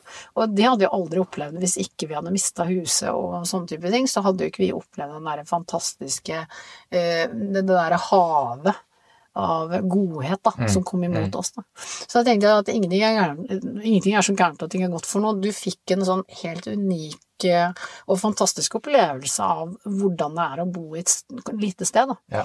Og det er klart, vi har bygdedyr, og Ja, altså, ja. det, det finnes jo det. Og jeg har jo For du kan si, det var den andre sida av saken, da, i forhold til husbrannen og sånn, for det blei jo spekulert mye i hva som hadde skjedd. Mm. Vi på en måte valgte hvem vi snakka med og sånn, for det var Sånn type forsikringssvindel og sånt? var Eh, det- det, det, altså, det var vel ikke det. Altså, de lurte på hva som hadde skjedd, og hvordan Sånn, det hadde skjedd. Og det kan vi ta utafor podkasten, Ja, ja. skal jeg si. Men, men det som eh, det vi ble gjennom, var det at vi ville selv velge hvem vi fortalte det til. Mm. For vi veit jo om årsaken og veit at det var type uhell. Så, det- så det er ikke noen som har fått noe pes på det. Men eh, det som skjedde, var jo det at eh, vi fikk plutselig informasjon fra flere som kjenner meg fra flere, flere forskjellige sider, da. At eh, det var noen som hadde gått og snakka om det at de trodde at mine barn hadde gått med tenn, tennvæskeflasker og bare sprøyta på veggene og tent på. Og det var jo overhodet ikke tilfellet. Og jeg, jeg har aldri vært så forbanna i hele mitt liv. Altså, Det jeg, kan jeg tenke meg. Mm. Det, jeg satt i tre døgn og fresa, Ja. og vi visste jo om dette her. Og så sier jo noen da smartinga at ja, men altså når du ikke forteller årsaken, så må du jo skjønne da folk begynner å snakke om det. Du vet hva, det kan du bare Ja. gi faen i. Og, og på den tida så skrev jeg en blogg, da. Og da kjente jeg at nå må jeg bare si noe. Så jeg skrev en blogg om eh, altså hvordan kan voksne da snakke om to forsvarsløse barn som ikke har anledning eller mulighet til å svare for seg, og at vi ikke har muligheten til å forsvare dem. For jeg fikk jo ikke noe navn på dem som hadde gjort det, og det er jeg egentlig veldig glad for, for da kunne jeg skrive litt fornuftig òg, da. Så jeg måtte sitte på henda i tre døgn, og da, Ja. etter det, så kunne jeg skrive hva jeg mente, da. Og da så jeg da at i løpet av ett døgn så var det vel, ja, det var vel over 100 delinger av det jeg skrev, og så var det vel over 10 000 som har vært inne og kikka på det. Og jeg fikk masse tilbakemelding om at fy fader og pedagogisk skrive, og så bra skrive, og så til ettertanke. Og da tenkte jeg, da har jeg i hvert fall fått sagt mitt, for Ja. å si det sånn. ja. Ja, det, ja, det, ja, det er bygdedyr, altså. Ja, så du har liksom begge delene og sånn, men samtidig så var jo det et veldig sånn mindretall, og det var nok kanskje de som da eh, veldig gjerne ville vite hva det var, men som kanskje ikke hadde fått svar hvis de hadde spurt meg, da, selvfølgelig. Men det som bekymra meg, var det at det var, at det var voksne, oppgående mennesker som da jobba i et miljø som jeg tenker at det, det passer seg ikke å, Nei, å stå og snakke åpent om sånn. Og én ting er jo det hvis man stå, sitter inne på et rom to og to og snakker seg imellom, og ikke det går ut Da bryr jeg meg ikke om det. Men det at det gikk rundt på bygda, og det ikke var sant i det hele tatt, Ja. det, det var virkelig ikke greit, altså. Ja. Så det er rart med det der, altså, at du, du, du får begge deler. Ja. Nå nå er vi jo tilbake eh, på ja. Nå har vi hatt sightseeing. Nå har vi hatt sightseeing. Nå skal Skal vi ta og avslutte podkasten på en eh, positiv, eh, med en positiv eh, vri? Ja, men skal vi snakke mer etterpå, eller skal jeg fortelle Ja. om det prosjektet som jeg tenker om fire-fem år? Ja, det kan vi gjøre. Ja, Ja, hvis vi vil fortsette. Vi kan egentlig bare ta og vi kan bare Vi gå kan bare inn. gå inn, i. Ja. Jeg tenkte hvis, det, hvis, det er, hvis du har eh, eh, folk inne hos deg nå Ja, nei, men vi kan sitte ute òg, vi. Det er ikke noe problem, det. Ja. Ja, og ungene, de eh, Enten så er de oppe, eller så er de Jeg ser ikke noe til de. Okay. De lager ikke så mye lyd av seg, de, altså. Ja. Jeg skulle ta med varene inn. Vi kjøpte jo litt, eh, litt stæsj. Og der har du meg! Ja. Surrehue de luxe. Du har nå så mye på agendaen at uh, en pose med tacoingredienser det, det er det siste du trenger. Eh, Jeg kan bare si sånn, så jeg er veldig distré. distré. Eh, Ja, men eh, det her prosjektet ditt, da, det, det, det med, du mener alvor? liksom? Jeg mener alvor, og, og det er et sånt prosjekt som jeg, som jeg tenker at eh, på en måte så skremmer det livskiten av meg. På den andre måten så er det jo det at det er jo så utrolig fascinerende og spennende og interessant, og du kjenner det jo langt i magen. Ja, du, du, går- og tenker på det hele tida. Ja, og så når, du da når du da er ute og svømmer og svømmer økta di i, på bassenget og plutselig får en følelse av å, shit, herregud, liksom. Og, og, Ikke, jeg vet godt til den følelsen der. Jeg kjenner den. ja. og, så, og så er det sånn at du, du kjenner at det bare bobler i hele der. Vet du. du har den følelsen at dette her er jo så skummelt. Det er jo livsfarlig for så vidt også. Ja, ja. Men ikke Og hvis du gjør forberedelsene. Nei, ikke sant? og du må jo gjøre forberedelsene. Og så er det jo helt spesielt, for det er jo ikke veldig mange i Norges land som, som har gjort det. Nei. For å si det sånn, så det, det jeg har innmari lyst til å gjøre om fire-fem år, det er jo å svømme Den engelske kanal. Nettopp, ja. Og da betyr jo det at man skal svømme fra England til Frankrike. Og du skal svømme da uten våtdrakt. Ja, Og, du skal, og, og du, kan, du skal ikke ha sånn livbøye på deg heller. Du har en båt ved siden av deg som skal passe på deg til enhver tid. Skal vi se. Den her uh, tror jeg Hallo, hallo. Er det dårlig strøm? Ja, jeg tror det jeg skjønner noe nå. Ja. Kanskje den der uh... ja. Det er bra at den sier ifra, da. Hallo, hallo. Hallo, hallo, hallo. Jeg tror det Jeg vet ikke hva som skjedde. Bare fortsett. Ja. Bare klipp den på. Ja. Ja. Eh, nei, så, det, så den engelske kanalen den skal du jo svømme uten uh, våtdrakt. Så du har bare lov til å ha badedrakt, altså badehette Ja. og svømmebriller. Og så, er det jo sånn at du, du må jo på en måte få hjelp til altså Sånn følgebåt og sånn. Det er jo en sånn egen organisasjon i England. ja, for det er et offisielt Som, det er et offisielt race, liksom. Ja, ikke sant. Altså, det er en sånn ting som mange gjør, men samtidig så er det veldig mange som ikke klarer det. Hvor- Men hvor mange er det som er på startstreken? Nei, altså det er ikke noe løp. Det er en ting du gjør. Det er en veldig spesiell eh, svømmedistanse som er veldig sånn Som Å ja, så ligger veldig sånn høyt liksom oppe. 100, 100 som starter samtidig? Nei, nei, nei. Du, du kan si det sånn at det du må gjøre, er på en måte at du kvalifiserer deg via at du skal svømme seks timer i Jeg tror det er under 16 grader i i vannet, og da skal du svømme uten våtdrakt. Da skal du bare ha badedrakt og badehette Ja. og svømme. Hvor, hvor langt er det?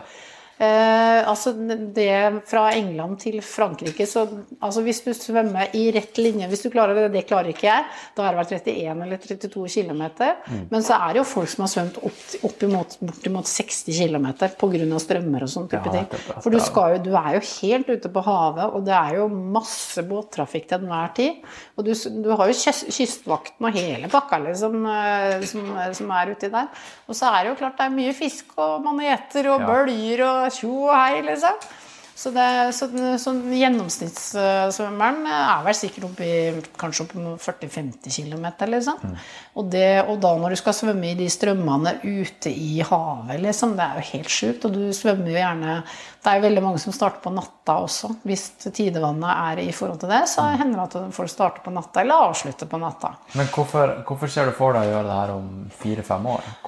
Det? Du kan si det sånn at jeg må trene mye mer, fordi at jeg er jo ikke er svømmer i bånn. Jeg må trene, og så må jeg lære meg til å takle å svømme i kaldt vann. Mm. Og det er ikke gjort en håndvending, det der å svømme i kaldt vann. For det, det, det krever ganske mye. For at du har jo noe altså Du kan si det sånn at du kan jo få hypotermia, eller hva det heter, og så er det en sånn sipe. Det er sånn, du kan jo få skikkelig problemer med både lunger og alt som Mm, er hvis du, når du svømmer i kaldt vann. Og det er ganske alvorlig. Da kan du faktisk eh, ende opp at du, dauer på veien, for å si det sånn. Gjør du noe sånn her eh, Tar du kalde dusjer? Tar du kalde bad? Ja, gjør, du, har- gjør du noe sånn her Wim Hof-metoden, hvis du har hørt om han? Ja, han har jeg hørt om, Ja, faktisk. Wim Hof. ikke sant? Nå er vi hoff, og så snakker vi om han ja. hoff. Nei, og så har jeg Jeg pleier å ha sånn idrettsmassasje hos en på Trondheimsklinikken i Drammen, og Ja. han er veldig opptatt av han her. Ja, for jeg, jeg har eksperimentert mye med Ja. Wim Hof-metoden og Ja. pusteteknikker og sånn. Det er jævla interessant. Mm, ja. Så, jeg har liksom, så tanken var liksom at jeg skulle begynne å venne meg til mer kaldt vann i år. Og det passa jo bra da, i og med at korona kom, for da må du jo ut og svømme uten, Ja. utendørs. Så, så jeg har drevet på mye med sånn isbading, og så har jeg vært ute og svømt med sånn våtdrakt som tåler mye mer kulde. da. Så jeg har, og så har jeg svømt litt sånn uten våtdrakt innimellom for å på en måte trene på å bli vant til kaldt, kaldt vann. Og så er det klart kald dusj og kaldt bad og sånne type ting. Det funker jo bra, det òg. Men, men det at kroppen skal tåle seg til litt kaldere vann, altså det, det krever ganske mye sånn forberedelse og sånt. da. Og så er det klart at du skal navigere òg, vet du. Du må holde hodet kaldt mens du Ja, er dritkald i Ikke sant? Og så er det noe med navigering. altså Båten er jo der til enhver tid, men du skal jo på en måte følge med på hvor du skal. Mm. Nå er det jo båten som setter kursen, ettersom det jeg har forstått. For jeg har jo, jeg har jo sånn nettside på PC-en, skal jeg si, så det kan du få se på etterpå. Ja. Og da er det jo sånn, og det er ganske spesielt også. Og så er det vel sånn at det er vel totalt så er det vel det var 1800 stykker eller noe sånt totalt som har klart turen over. Og da, da, da er de iberegna de som har svømt flere ganger fram og tilbake. Hvor mange liksom. sa du? Kan jeg gjenta det? Jeg tror det er 1800 eller noe sånt som totalt har klart å komme over. Og det er jo mange mange som prøver seg hvert år. Mm. Og det er jo, sånn som jeg skjønner, så, så buk, det jo- du booker deg jo tre år før du Du kan jo booke deg så tre år før. Altså du må vel nesten booke båten, eller i hvert fall melde at du ønsker å på en måte å ta den turen. Gjør et støt, ja. Altså Du må på en måte sørge for å få plass på en båt, Mm. og så på en måte også etter hvert skal du da gjøre det som står i reglene, kan du si, at du Mm. Må gjennomføre. Og så melde deg inn i det altså Jeg vet ikke om du kaller det forbund, eller hva det er, at du på en måte skal følge en sånn prosedyre. Må du betale en avgift, kanskje? Ja, du må å- betale avgift, og, og du skal på en måte melde deg inn som medlem et eller annet sted. Og så, og så skal du jo etter hvert betale den båten, og den er jo ikke billig. Så det er noe med at jeg må spare spare litt penger òg. Så det, og så er det klart at du, du kan jo møte alt fra 12-13 grader i vannet til en sånn 17-18 grader i vannet. Og så er det klart du kan jo være nødt til å svømme over i møkkavær. Og så kan det jo være at du skal svømme på natta. Du, altså det, det kan være veldig mye trafikk, det kan være lite trafikk. Og så i mitt tilfelle altså, er jeg veldig glad for at det står at de har sjelden sett hai, men det kan forekomme. Og hvis du da møter på en sånn en, så kommer de jo til deg. Da, Men eh, hvorfor melder du, deg bare ikke på nå? Så er det tre år til.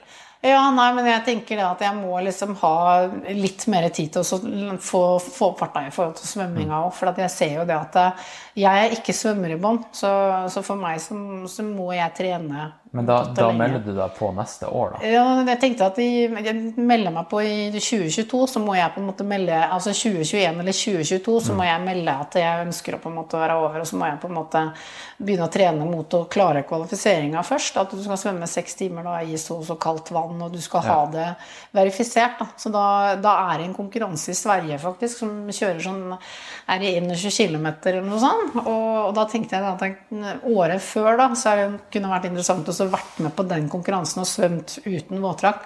For der kan du svømme 21 km med våtdrakt, eller du kan svømme uten. Det høres ut som sånn her Western, er sånn her eh, UTMB qualifier-løp og sånt. ja. Og, da, og det jeg har hørt, er jo at det er flere som på en måte bruker den som på en måte springbrett over til den engelske kanal. Da. Sånn at det er den, den veien de går der, da. Så det, det, men det har vært innmari kult. Og så er det jo klart at det er ikke mange som gjør det. Og så tror jeg det er veldig mange som er svømmere i bånn, som gjør dette her og svømmer den engelske kanal. Og da tenker jeg, men eh, hvorfor ikke? Jeg er ikke svømmer i bånn, men jeg kan jo prøve, da. Men da må jeg jo være god, veldig god på å svømme før jeg tar turen over. For da er det viktig at jeg er såpass godt forberedt at jeg kan takle det som kommer. da. Så det, og det, det krever masse, altså. Men det hadde vært morsomt. Det har vært en av de få norske som har gjort det. Ja. For det er noen norske som har gjort det, men det er ikke mange. Jeg håper den podkasten her eksisterer da, Ja, om fire-fem år. Når, når du ikke sant. det. Ja, det hadde vært spennende, det. Ja. Nei, og så tenker jeg da at det, prøve, det er sånn som Knut Ivan pleier å si, at du, du kan prøve, og så gjør du ditt aller beste. Mm, Og hvis du har gjort alt av forberedelser, gjort alt det du skal på forkant, så uansett hvordan det går da, så, så skal du jo være kjempefornøyd med det resultatet du får. Så om du kommer over eller om du ikke kommer over, det skal ikke egentlig ha noe å si, for du har gjort alt det du kan. Ja. Og du har gjort det du kan for å møte de utfordringene på veien. Få ut potensialet sitt. Det er egentlig Ja. det, det viktigste. Og så er det noe med å gjøre ting Gjøre noe som, som krever så innmari mye. Og så er det noe med at mm. Hvor er veggen min, da? For jeg har jo ikke fått Jeg har ikke møtt veggene i forhold til hva jeg kan gjøre ennå. Og for, meg, da, som var Er det, det du prøver å gjøre? ja, altså, å det, er, det er litt morsomt å se hvor langt kan jeg strekke meg. Da. Mm. Det, det har mye å si for min del. For det er noe med det at det, å gjøre ting som jeg veit jeg kan klare, det er ikke fullt så morsomt i Mm. Det er dritkjedelig. det, det blir jo kjedelig etter hvert, Mm. men hvis du hele tida pusler litt grensene på at eh, kan jeg egentlig klare det? Mm. For det, det som var tanken med Hortenås første gangen jeg svømte over, det var jo det at det var jo egentlig klin umulig. For jeg visste jo det med at dette her er fullstendig umulig for meg. Og så begynte jeg å tenke ja, Men du men hadde en ørliten anelse? du, du kan si det sånn at når tanken der kommer at det er umulig, da, vet du, da, går jeg, da går jeg og gnager på det. Men er det egentlig sånn at det er umulig? Ja. Nei. Det kan jeg ikke leve med. Og da når du har kommet dit at nei, det er egentlig ikke helt umulig, så begynner du å tenke ja, hvordan kan jeg få det til? da? For det var jo en venninne av meg som sa at men du, du har så dårlig sjølinnsikt at du bare melder deg på ting. Men egentlig så er det helt totalt motsatt. fordi at jeg har så sjølinnsikt at jeg vet at hvis jeg skal gjøre noe, så må jeg få hjelp, og så må jeg bruke tid på det. For jeg må bruke mye mer tid enn alle andre. Ultraløpinga òg. jeg løper jo Jeg har brukt mye mer tid på å komme meg dit jeg er enn mange andre. Men det er jo fordi at jeg er skilpadde. Ja, ja, men det er noe kult eh, med at Det er kanskje det kule med ultraløping og Ja, ultrasvømming. ja, og liksom at det, at det, tar tid. Du må ha langt Ja. perspektiv, da. Ja, ja, ja. Det er ikke noe du bare gjør, og så er du ferdig med det. Og, og da, når du liksom kommer fra at først så tenker du at det, det er jo klin umulig. Nei, det er jeg ikke enig i. Det, det, det, må være mulig på et eller annet vis. Og når du da kommer til den tanken at det, kanskje, kanskje det er mulig. Og da vet du, da er løpet kjørt for min del, for da, sånn, da går det litt tid. Altså, dette skal jeg klare. Da er det gjort. Da er det gjort. Og da når jeg kommer dit, da er det sånn Ok, hvordan gjør vi dette her? Og så bare bam, rett på. Og da er jo motivasjonen for å gjøre det. Og det er jo der jeg henter motivasjonen min, for jeg finner de måla som veldig mange sier at ja, men dette her er jo mulig. Og da når jeg veit at nei, nei, det er ikke helt umulig. Det er nesten umulig, men det, det kan gå. Men jeg må gjøre jobben, da.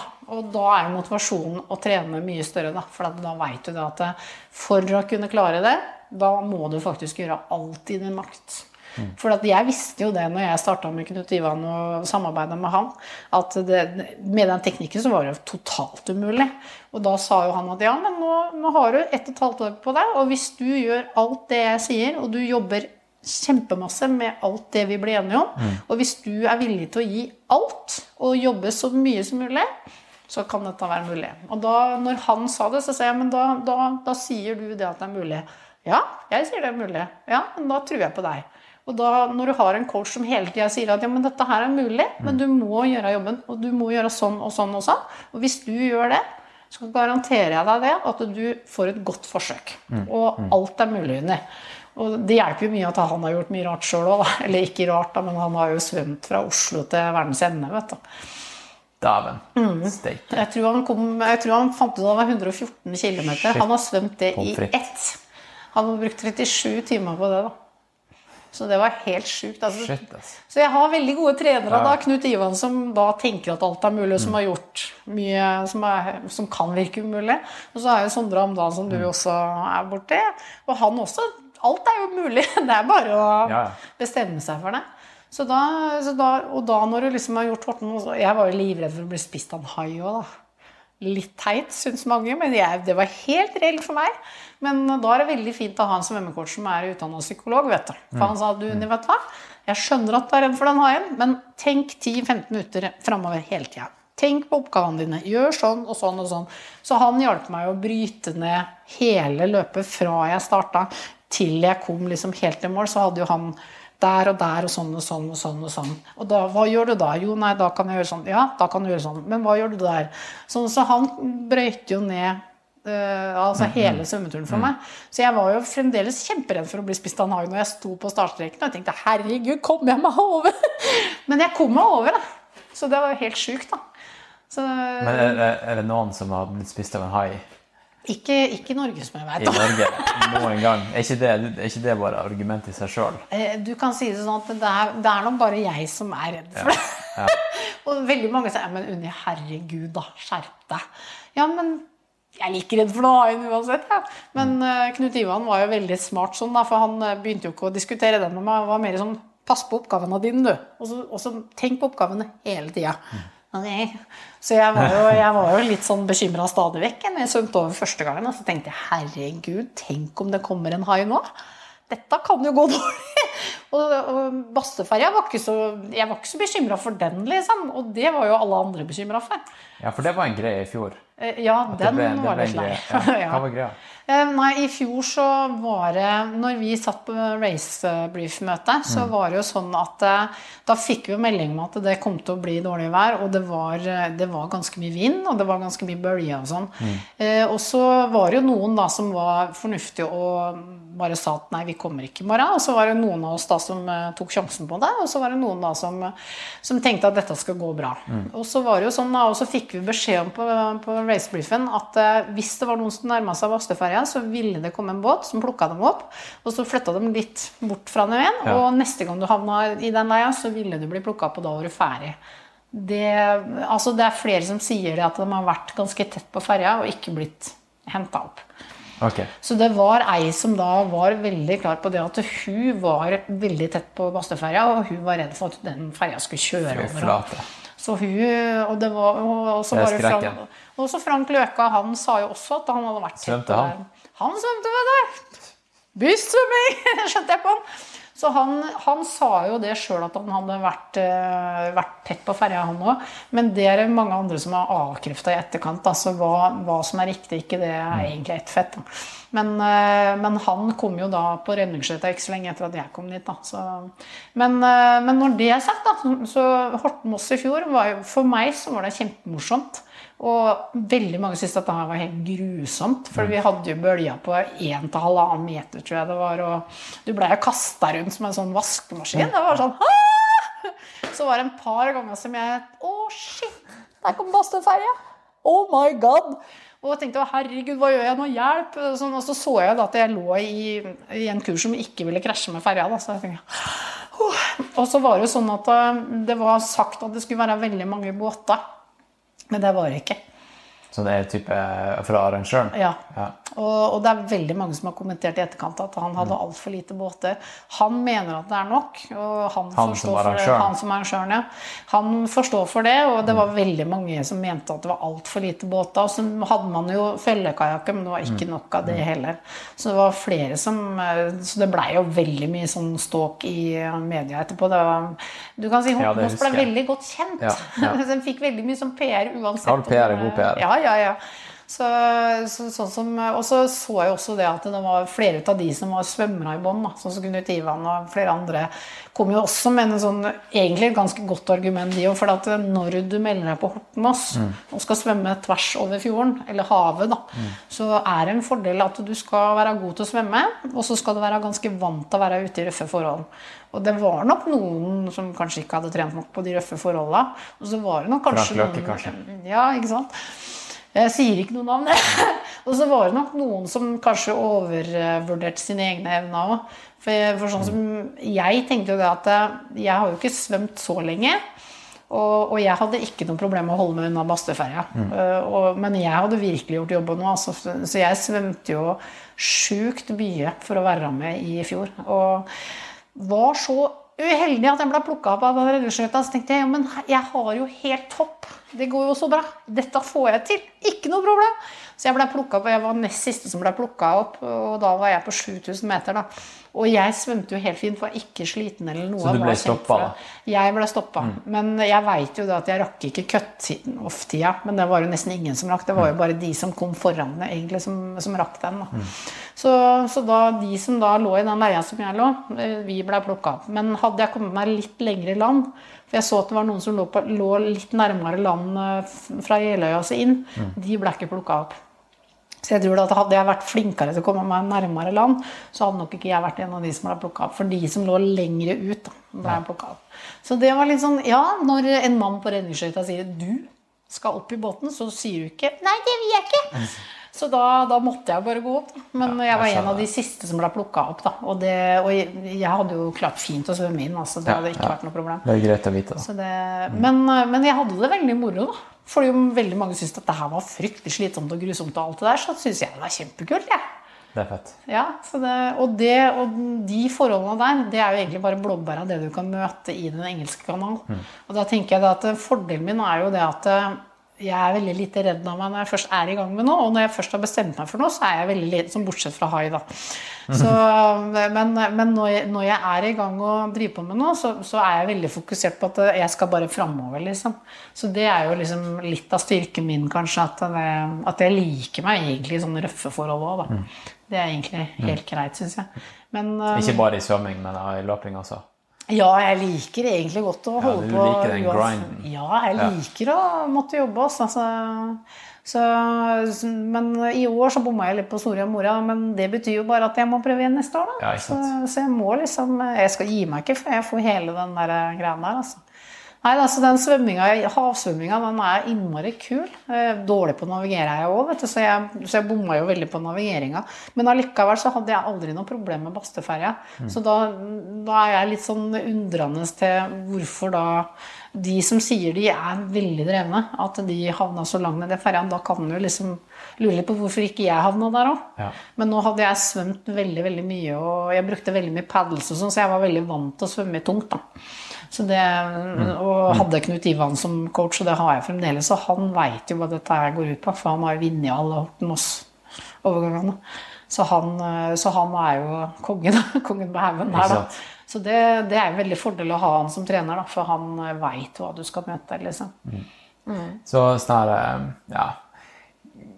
Kan man si Det man kan ta, ut, ta med seg etter å ha hørt den podkasten her, er jo egentlig bare at uh, alt er mulig. Alt er mulig. Ja. Og så om du ikke er god på noe, eller om du er overvektig, ikke minst. da. For jeg har jo alltid vært tung, tung i rumpa. Baktung, for å si det sånn. Og det var jo egentlig litt av grunnen til at jeg syns det har vært litt moro å komme så langt som jeg har gjort da. For jeg var jo mye tyngre før. Og så er det jo det at eh, jeg har aldri, jeg har hørt veldig mange snakke om det, ikke her og rundt her, da, for folk kjenner meg, liksom.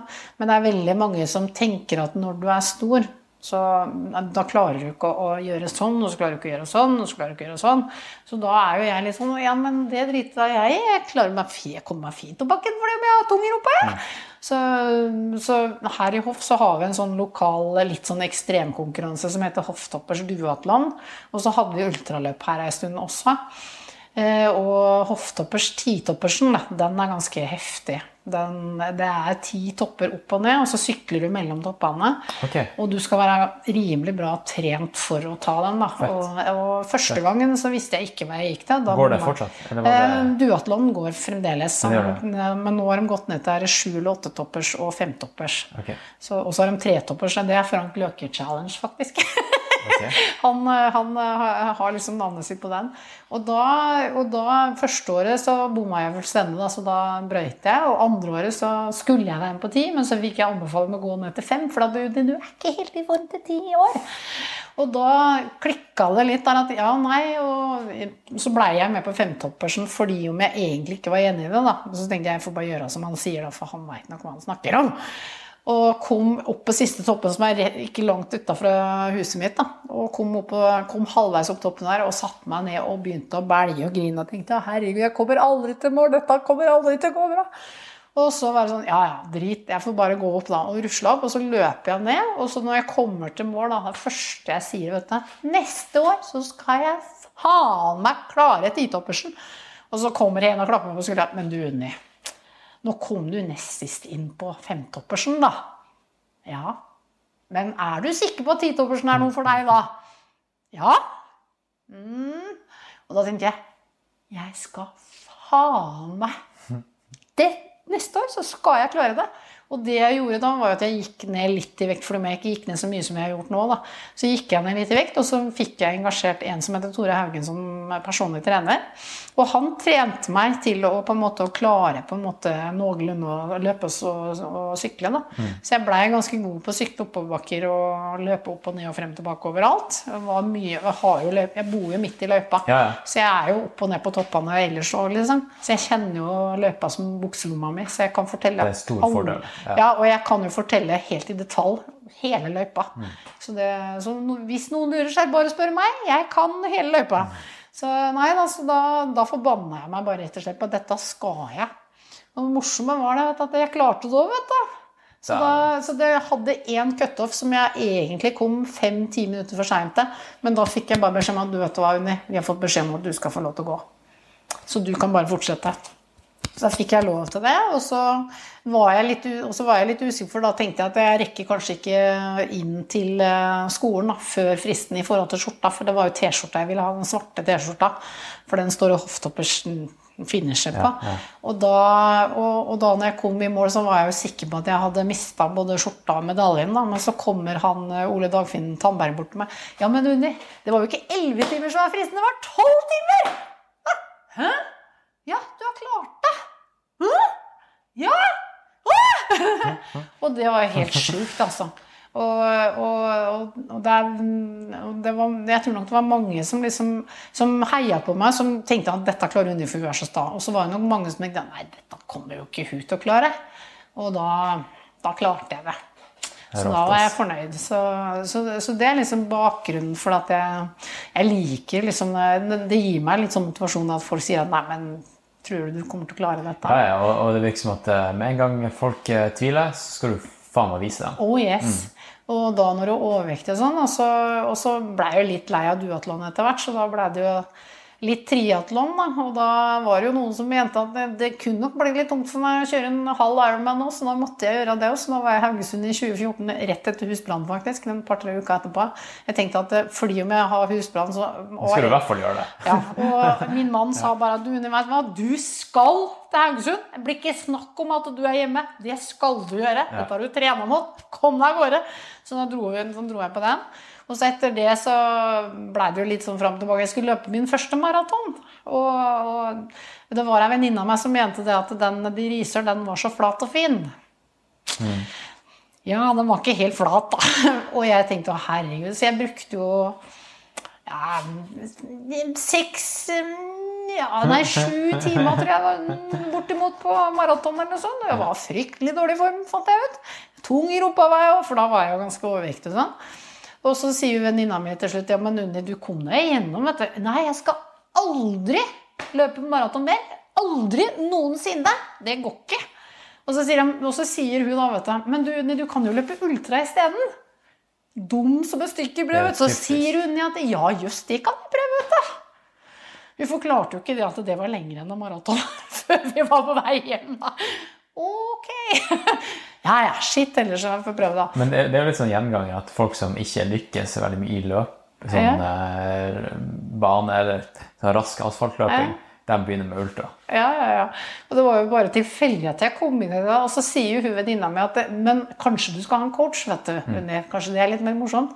Og da snakka vi litt fram og tilbake, så var det hun som foreslo Vi foreslo både Thomas Stordalen og Sondre Amdal. For Thomas var vel litt aktiv på den coachingfronten. Men så, når jeg leste litt på det Sondre skrev, så fant jeg at han var nok førstevalget, og tok kontakt med han. Og så Ja, fordi Thomas har, har kanskje vært mer på den mentale. Ja, Han var ikke mental sant? coach en Ja, ja, jeg mener jeg husker det. Og så kontakta jeg Sondre og tenkte herregud, han som har alle de spreke løperne. nå. Mm. Så tenkte jeg nå kommer ei skilpadde, dette kommer til å gå dårlig. Og så sier han ja, men du vet hva, velkommen skal du være. Jeg, jeg vil gjerne hjelpe deg. Og så er du sikker på det? Jeg er ikke veldig rask på meg, ikke veldig sprek. Men vi gjør ingenting. Dette ordna vi. Så, så da fra på en måte å løpe maraton på ja, bortimot sju timer, så, så hadde jeg liksom da 130 på Bislett i, i Ikke i fjor, men i, i forfjor, da. Og det er helt sjukt å tenke på at jeg da som var så elendig til å løpe, og som aldri hadde løpt så langt som en maraton i 2015, og så plutselig da så står jeg, og så, og så da når jeg er med på Soria Moria, så er det fire maraton, liksom. Jeg, sånn, eh, jeg skulle bare jeg skulle ikke løpe maraton mer. Trening funker. Det gjør det, altså. Og, og jeg med min bakgrunn som har vært så overvektig store deler av livet Hvor overvektig? Ja, altså, I min ungdomstid så var jeg vel litt over 100 kg, tror jeg. Og eh, sist gang jeg gikk ned, i 2017, så var jeg vel 94 eller noe sånt. Og så gikk jeg vel ned til litt eh, under 70. Så ligger jeg liksom eh, litt over 70 nå, er liksom rundt 4-75, liksom. Så nå skal jeg skjerpe meg litt igjen, kjente jeg. Men, så nå har jeg fått kostholdsplan ut av en eller annen som jeg egentlig ikke kjenner, som, som tenkte ja, vi, vi prøver. Dette går bra. så, så, så sånn som jeg tenker at det er så veldig mange i Norges land og rundt omkring i verden som, som får litt beskjed, eller som føler Jeg tror mange føler veldig på det sjøl. At siden jeg er så stor, så kan jeg jo ikke klare noe. Og da tenker jeg at eh, nei, Jeg kan klare ganske mye, bare jeg har god tid. så, da, så, så sånn ultraløping også da når jeg starta med det, da, så var jeg jo Jeg var jo ikke akkurat den som starta lavest i antall kilometer. Da. Så jeg starta jo med hofftoppers ultra her. Det er 75, ikke? Den var 75, og jeg som kjenner løypa, jeg visste jo akkurat hvor jeg skulle løpe i det hele tatt. Så da, da skulle jeg løpe den på 75 først. Det var sånn, hallo, du som da ikke skulle løpe maraton mer. Ja, vi prøver nesten to maraton. Og, og trente, og Sondre hjalp meg jo kjempemasse med den. Og dette fikser vi, vet du. Ja, ja, jeg stoler på deg. Og så i forkant så fikk vi plutselig beskjed om det at eh, på toppersen så ville den være ganske streng på cutoff-tida. Og jeg visste jo det at den kunne jo bomme litt på den igjen, da. Det var jo mulig, det. Ja. Og plutselig da så kom hun på startstreken, og Unni hun var jo bestemt på det at eh, nei, jeg skal være med. Og så var det to jeg kjente som trakk seg fra start fordi at de hadde fått høre at de skulle være så strenge på den, den greien. da. Og så tenkte jeg ja, jeg, jeg driter nå i det. Jeg løper så lenge jeg kan. Og når jeg blir tatt ut til å løpe, så løper, jeg, så løper jeg det for det. Men da bare tar jeg med nummeret, og så løper jeg videre. For jeg skulle gjennom den løypa uansett, jeg. Så det, det var sånn det blei. Og, da når jeg kom opp mot uh, topp nummer, skal vi se, nummer fire, så visste jo jeg at jeg lå an til å ikke rekke det helt. da. Men så kommer han løpslederen opp uh, og kjører forbi meg der, så sier han at du Unni, vet du hva? Når du kommer til mål, så skal du få både medalje og T-skjorte. Og han sa ikke om du kommer til mål, han sa ikke hvis du rekker Nei, fristen. han, han sa så det jo i øynene dine at du, Ja. du kom til å. Og, og han, har, han har fulgt veldig med på den treningsreisa mi, da, så jeg tror at han på mange måter mente at uh, uansett om jeg rakk eller ikke rakk fristen, så hadde jeg fortjent å gå er videre. Da. Men det blei litt bråk om akkurat den eh, avgjørelsen der i etterkant. Okay. Ikke fra hans side, men det var de som eh, ikke hadde Ultrabygde dyret. du kan si de som, hadde, som ikke kom til start ennå. Det, det var en par av de som eh, kommenterte og var ganske irriterte fordi at jeg hadde fått lov til å gå, gå over fristen. Men så prøvde jeg å forklare men hvis dere hadde vært der, så hadde jo dere fått lov til da. Hvis Ja, dere hadde stilt ja. til start. Så jeg var kanskje den som da gutsa på å stille til start. Og fikk lov til, men jeg kjente jo løypa godt òg, så jeg fikk bare beskjed om at eh, du må ha vest på deg, du må ha hodelykt på deg, og du skriver deg opp i boka. Sånn at jeg kommer til å gå og sjekke etterpå. Så jeg mm, føk opp i topp- toppen og skrev i boka. Ja. Og da når jeg liksom kom forbi her, så kom jo Espen og Mathias, der, for løypa går akkurat forbi her på grusveien her. Ja. Så da sto Mathias Mamma! Mamma! Sånn midt på natta, for jeg brukte jo nesten 15 timer til sammen på det. Så jeg var jo langt over fristen, egentlig. Men da, også da kom det en venninne av meg som sto oppe på skolen og heia med flagg. Og, uh. så det var, og det liksom Jeg har aldri, aldri vært med på så langt løp og aldri vært med på så eh, ekstreme greier sånn i forhold til det før. Da. Men, eh, men eh, det at jeg fikk lov til å gå videre, det var utrolig flott gjort av han som arrangør. Det er en fantastisk avgjørelse for min del. Veldig, men han slapp de frivillige hjem, da, sånn at det var han som fulgte med de siste toppene. Da, sånn at, han Mm. Det var realt. det. Ja, det tenkte Realt jeg. Mm. Og da var liksom da, og da måtte jeg, og da, og da når jeg hadde tatt den, så måtte jeg jo da ta femtoppersen da året etterpå, tenkte jeg. Så da, nå er det bare tretoppersen igjen, og da er jeg den eneste i alle, ut av alle de som har vært med på hoftoppers, Alta hoftoppers, jeg er den eneste som kan få alle fem skjortene. Så da avslutter jeg med den der er bragd, koseturen. ja. Den koseturen på tre topper. Det er liksom, så, så nå mm, ble jeg jo spurt om jeg ville være med i år. Da. Så tanken var at jeg skulle ta med noe i år, men det ble jo avlyst. Da. Så neste år så stiller jeg på startstreken, og så skal jeg ha den siste skjorta. Da. Så det er liksom, da har jeg hele samlinga. Da. Når, når er det det løpet går? Det er vanligvis i august. Ja. Andre helga i august, faktisk. Så, så det var egentlig Jeg håpa jo på at de skulle arrangere, men de hadde ikke mulighet. For du opp og ned toppa, vet du, så møtes folk eh, opp og ned. Mm. Så da blir det, det blir ikke en meter imellom, vet du. Og det, det blir vanskelig. Nei, så det da- blir vanskelig på Bislett også. Ja, ikke sant. 24. Ja, jeg er jo veldig spent på om det blir noe. Jeg håper jo at det blir noe, da. Så det, Det de burde gjøre, er å bare i hvert fall ikke tilby det isbøtten. Der folk eh, Ja. dytter, tar hånda nedi liksom, Ja. og, og deler Tar på samme isbitene og Ja, nei, det blir spennende å se ja. jeg tror det er mye som er nasty der, altså. Uh. Nei, så det, nei da, så det ultraløping er kjempemoro. Jeg syns det er kjempegøy å løpe langt, da.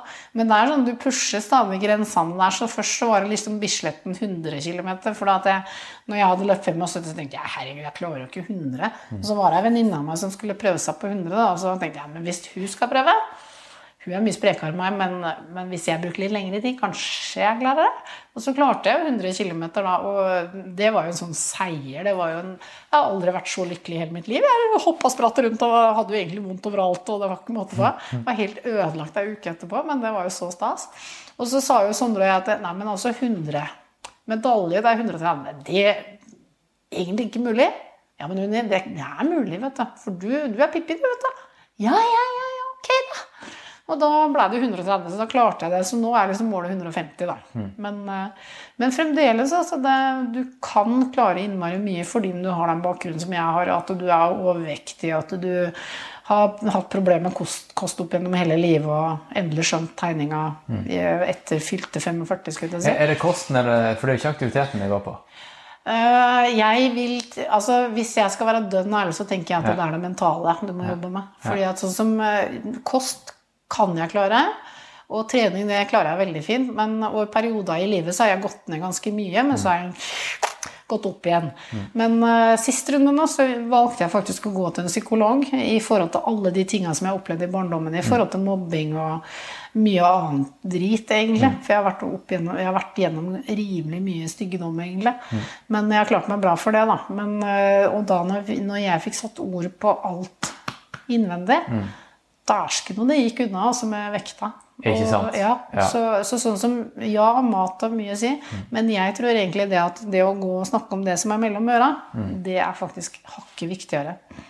For at når du får snakka om ting og får satt ord på følelser For at det er jo gjerne følelsene som gjør at du spiser. Ja, ja. Det er jo egentlig Det er sant, det.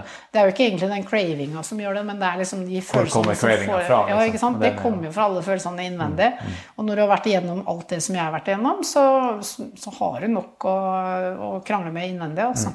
Så da tenker jeg da at når jeg da fikk renska skikkelig opp, men det er litt av en jobb, og det er ikke noe Ja, artig å sitte og gå inn i seg sjøl. Altså. Så jeg skjønner det. Og, og når folk spør meg hvordan klarte du det Det var maten, treninga, var det ikke det? Nei, det var egentlig det mentale. Jeg gikk til psykolog. Å ja, ha det! Så det er veldig mange som syns det blir for vanskelig når jeg gir det rådet mm, hvis du tenker at du har noe du burde sette ord på, gå og få gjort det. Det hjelper deg mye mer. Mm. Ja, for det, det er ikke tabu lenger å gå til psykolog, for det var det for liksom sånn var her det. 10-15 Ja, år siden. ja. Mm. Ja. Det, jeg vet ikke, Da skjedde det ganske tydelig skille. Da, skille Ja. Mm. da, at det, det er ikke noe stress. Nei, ikke sant. Og så er det klart at vi har jo en ungdom som det har vært mye rundt i alle år, og det Mm. jeg skal ikke si det at det er at det, det, det har jo vært mye fantastiske ting, og jeg tror aldri jeg hadde vært et så bra menneske som jeg er i dag, hvis ikke jeg hadde hatt bl.a. han, da, også broren hans selvfølgelig. Men jeg tror nok det at eh, jeg har blitt et mye bedre menneske fordi at eh, vi har vært med han på hele reisa hans. Og noen vinternetter der òg, selvfølgelig. Det har vært mye greier opp gjennom åra. Så jeg tror liksom det at eh, det har vært veldig smart for min del å sette ord på ting. fordi at når du opplever ting til stadighet opp gjennom livet og sånn, så tar det jo med deg både sorg og følelser og Det bygger seg opp de der innvendig. tomhetsfølelsene. Det bygger seg opp. Og da, for hver gang du får en smell, da, så er det klart at da blir du enda tyngre i den der sekken. Du, du, du bare sliter jo å vette av deg for å få det med deg. Noen, noen velger jo da å springe Ja, istedenfor det å spise. Ja, det tror jeg på. Eh, og blir bare Ja, ekstremt spis- Hva du sier Jeg har springet og spist, jeg. Ja, sant. Ja, det er også en eh, måte å deale med det på. Ja, ikke sant. Ja. Så, så, så sånn som eh, så, jeg har liksom lært meg til det at det er det imellom ørene altså, som, Mm. som det er lurt å få gjort noe med. Og så er det klart maten har mye å si, at, men jeg merka jo det at når jeg da hadde fått satt ord på ting, så hadde jeg ikke de følelsene i forhold til at jeg måtte spise, eller at det, da var det ikke fort så, fullt så Nei, jeg trenger egentlig ikke den sjokoladen nå. Ja, det var ikke den det handla om. Nei. Det blir litt som eh, når, eh, når jeg får eh, eh, en ny eh, jeg det kunde som mm jeg skal trene, så kan eh, kanskje det bli sånn litt sånn mye fokus da på spesifikke økter. Liksom. Gi meg et program, da. Mm. Ja, ja, ja. Liksom, hva skal jeg gjøre? Eh, men liksom, ja, vi kommer til det, men det er ikke det som er det viktigste. Nei. Det viktigste er at vi blir kjent, at vi får uh, snakka litt, og Ja. vi får, ja, får sjekka hva som er mellom ørene først. Og så kan vi ta detaljene. For Ja. den der maten, det er jo bare detaljer. Ja, og, du, og du kan si de aller fleste Det funker veldig bra hvis du får en helt sånn konkret plan. Og da, da går det jo veldig greit, liksom. Ja, ja, men alle kan jo også bare gjøre en plan uten å tenke. Men eh, Ikke jeg. Nei, nei men så, hvis, du, hvis du gikk inn for det, Ja, liksom at, eh, Hvis at liksom, du nå skal jeg gjøre det her i tre måneder, bare spise det og det og det, Ja, mm. så fikser man det. Ja, ja, ja, Eh. Men eh, for den langvarige, Ja. eh, bare sånn livsstilen, da må du liksom jobbe med, mentalt med det. du, du, du holder deg en god stund, ikke sant? Og så begynner jo vekta å krype seg på igjen. Ikke sant? Og det er, det er det jeg prøver å unngå ved å på en måte ha snakka med en. Om at, eh, For da har vi ikke behovet for Så er det klart at nå i våres, nå med alt det som har skjedd med han eh, podusen min og sånn, så er det klart at nå har jeg liksom begynt å kjenne litt på det, men nå har jeg liksom jeg skjerpa meg igjen, for nå har jeg liksom begynt å tenke på at eh, jeg må snakke litt med noen her og der og sånn, og så må jeg eh, Nå må du ha litt fokus, liksom. Mm. Men så sier jo veldig mange at ja, men det har bare med viljestyrke å gjøre at du skal gå ned i vekt. Og da, det er jeg veldig uenig i. For at Ja, det er bullshit, ass. Ja, det er jo fordi at eh, hvis du skal gå ned i vekt og har så mye følelser og masse greier innabords, mm. så er det klart at det, du skal jo ha vilje til å stå opp om morgenen, du skal ha vilje til å gå på jobb, du skal ha vilje til å gjøre en ordentlig jobb. altså Det er jo så mye du skal ha viljestyrke til. Og han psykologen var veldig klar og tydelig med meg. Du vet hva, det er ikke noe rart du har spist, altså. Hæ? Hva mener du om det? Ja, men, ja, men jeg burde jo egentlig ha gjort det. Ja, men kjære vene, når du hadde det, og så hadde du det, og så var det det, og så var det det Åssen i all verden skal du ha viljestyrke igjen i forhold til det som gjelder mat? Ja. Du har jo ikke kjangs. Du, du har jo tapt før du har begynt. Så vet du hva, hør nå her. Nå gjør vi det sånn. Ok. Så, så jeg var veldig glad må Det være en lettelse, da. ja, og så Ja. bare få beskjed om at det du gjorde, var ikke feil. Du hadde ikke sjanse til å gjøre noe med det, for at du, var, du hadde så mye annet som forstyrra. Det er ikke noe rart du ikke klarte det med kosten. Det har ingenting med viljestyrke å gjøre. Det har noe med det du har i sekken din å gjøre. Så når vi får snakka om det, så kommer det til å bli lettere for deg. Og det blei det. Så, så jeg har lært en del av det, altså. Men er du på Ok, du har liksom løsna opp i det mentale, men har du, er du på et regime nå, eller? Sånn type kostregime? Eh, nei, nå har jeg skeia ut litt Er det noe men som er klart å og- Ja, altså nå har det vært så mye greier sånn i forhold til det følelsesmessige, i forhold til Mathias og sånn, at det, det blir mye, liksom. Så nå merker jeg at jeg har vært litt sløv. Men jeg har klart meg helt fint helt siden januar 2017. Så har jeg liksom alltid liksom klart at jeg trenger ikke noe mer enn det. Jeg har ikke lyst på godteri. og Nei, jeg trenger ikke det og sånn. Så det er liksom først de siste månedene at jeg har kjent litt på det at å, det er innmari godt med den sjokoladen. Og da er det sånn Ok, nå, nå er du ute på Nå er du litt ute med Så nå var det en som faktisk sendte meg sånn tilbud eh, via Instagram-melding. Og så har jeg sjekka litt han ut da, på, på nett for å se hvem dette her er. Da, for jeg har han jo som venn på Instagram. og sånn. Så ser jeg jo det at han kan jo vise til på bilder at han faktisk vet hva han snakker om. Og jeg ser liksom litt på hva han har skrevet og sånn. da.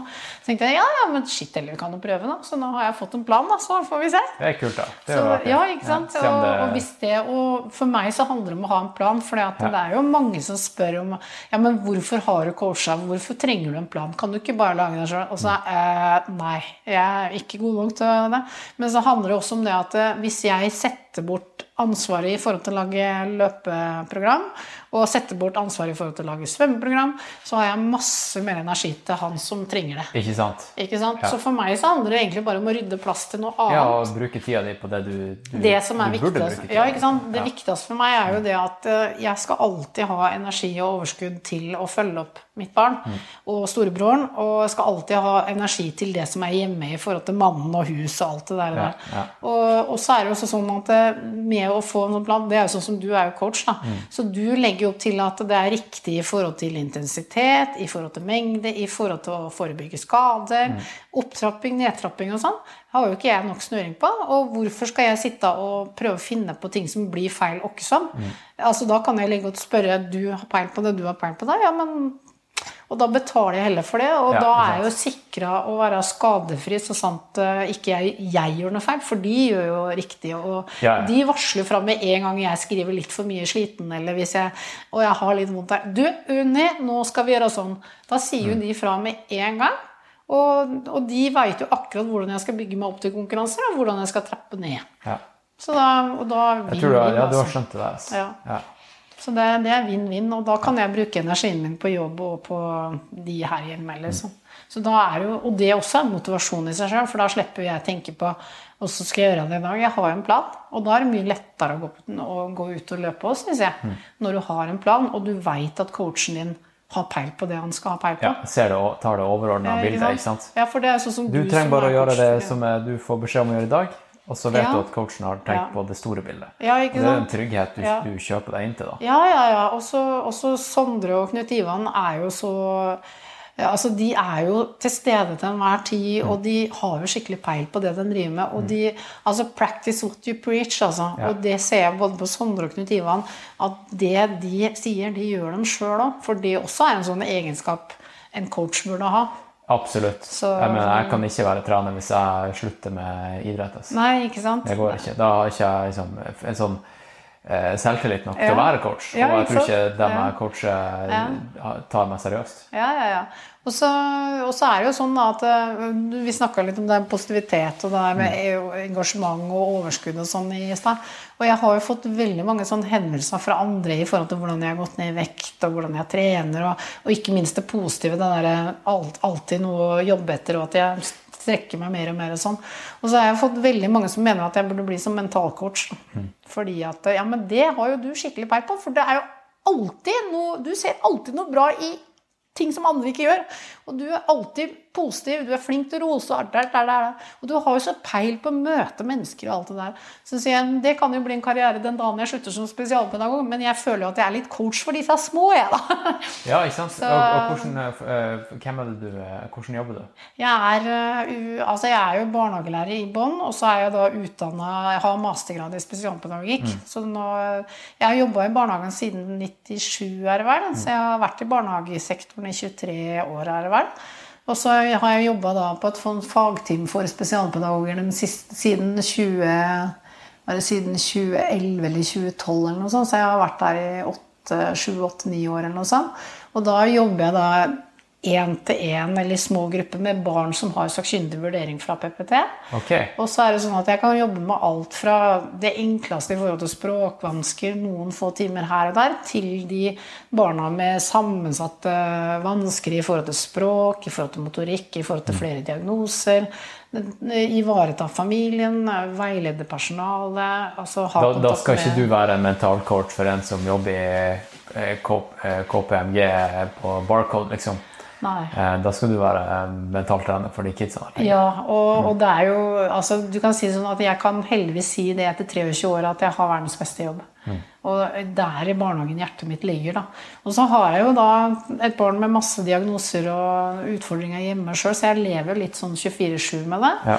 Men så er det det at eh, det jeg har erfart med mitt barn, det har jeg med meg som erfaring inn til de familiene igjen. Så jeg kan jo på en måte da eh, vite Jeg veit litt av den veien de kommer til å gå. Fordi om jeg ikke veit eksakt hvilken vei de kommer til å gå, så veit jeg veldig mye om den veien de kommer til å gå på.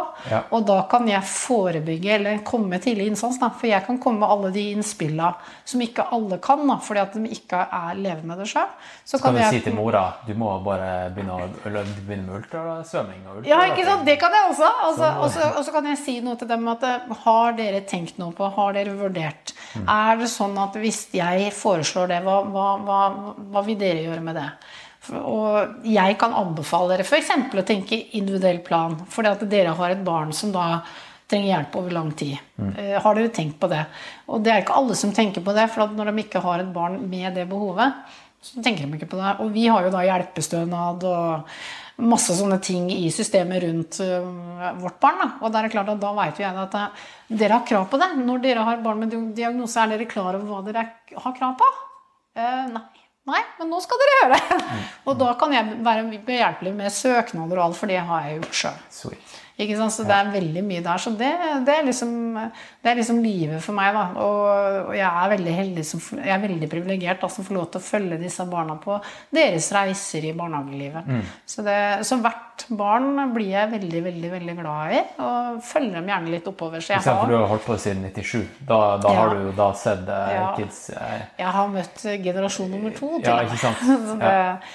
Nei, og jeg, veldig, jeg er veldig god på å skape relasjoner, så jeg har veldig tette og gode relasjoner med både barn og, og foreldre og, og barnehagepersonale. Da.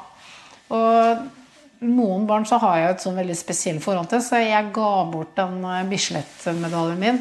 Og jeg hadde jo jobba hekken av meg for å få den eh, medalja. Så det, egentlig i utgangspunktet så var jo tanken at jeg skulle ha den sjøl. Men så, så har jeg jobba med ett barn som jeg jobba med i fire år. Som har gjort en fantastisk innsats sjøl. Nydelig, nydelig barn som, som, som har klart seg imot alle odds, faktisk. Det har vært mye touch and go i barndommen, og muligheten for at barnet skal dø, har vært til stede. Og å komme seg veldig langt i forhold til det man kanskje trodde han skulle gjøre, samtidig som han ligger langt bak sine jevnaldrende. Og, og det, det barnet fikk da den medaljen. Og, og, og det var helt fantastisk. Altså, du så det at det, det barnet ble helt blank i blikket. Men skal jeg få den? Ja, men, ja, men, ja, men, men skal jeg få den? Ja. Og hun forklarte meg at vet du hva, i de fire åra vi har vært sammen, så har du gjort så mye bra jobb. Og jeg tror at det eneste jeg kan likestille det, det her med, det er liksom den medaljen. For jeg tror jeg jobba like mye mot den medaljen som det du har jobba mot der du er. Og da syns jeg at den, den som fortjener den av oss to, er deg. Å ha men det, det var utrolig artig, altså. Og foreldrene var jo kjemperørt og takknemlige og sånn, men, men det, var, det var han som skulle få den medaljen. Han skulle få den medaljen. Så den henger da på et veldig sånn sentralt sted i huset hos dem, da. Rått. Nå har du vært eh, dønn ærlig. Ja. Åpna deg sjøl ganske mye. Ja. Eh, hvor er det, hvis folk eh, på en måte kan eh, Er kanskje i samme situasjon, eller Ja. noe sånt, hvordan kan jeg kontakte deg? Jeg er på Facebook, jeg, vet du. Facebook og Instagram. og Bare å søke På Insta heter du vel eh, Ottesen Unni? Ottesen Unni, ja. Og Ja. så er Unni Dahl Ottesen på, på Facebook. Skal vi se, akkurat nå så gikk batteriet ditt ut. Så vi kan bare fortsette med min her. Ja. Hva du sa nå? Eh, ja, hva var det jeg skulle si? jeg skulle si eh, hvor folk kan finne deg? Jeg jeg er på Instagram Ottesen Unni, og så er jeg på Facebook Unni Dahl Ottesen. Rått. Da tror jeg vi får besøk her. Ja, det tror jeg også. Og så skal vi lage litt taco. Og så ja, ha en heidundrende aften her på Hoff. Ok? Yes. Eh, takk for at du lytta på, eh, kjære lytter. Ja. Tusen takk. Jeg har skravla fælt nå. Ok, ja, men det er fett. Ja. Eh, vi stopper her. Ja. Over og ut. Roger Knut. Skal ikke si. Hei, Mathias. Skal du si hei til Kristian?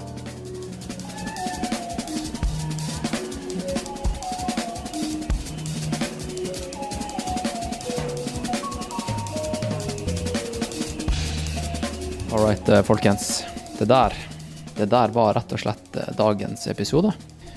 Og denne episoden her, da, den har jo da ligget på Patrion siden jeg gjorde det her intervjuet med Unni i, eh, i ju, juli 2020.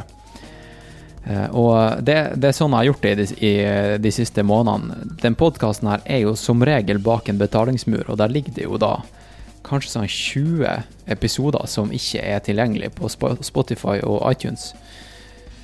Rett og slett. Eh, Og nå, eh, nå kommer det noen smådrypp fra, fra det som ligger bak eh, betalingsmuren. Og jeg gjør det rett og slett bare for å, for å få ut eh, budskapet fra, fra, fra podkastene jeg har gjort, da. Fordi at egentlig så mener jeg at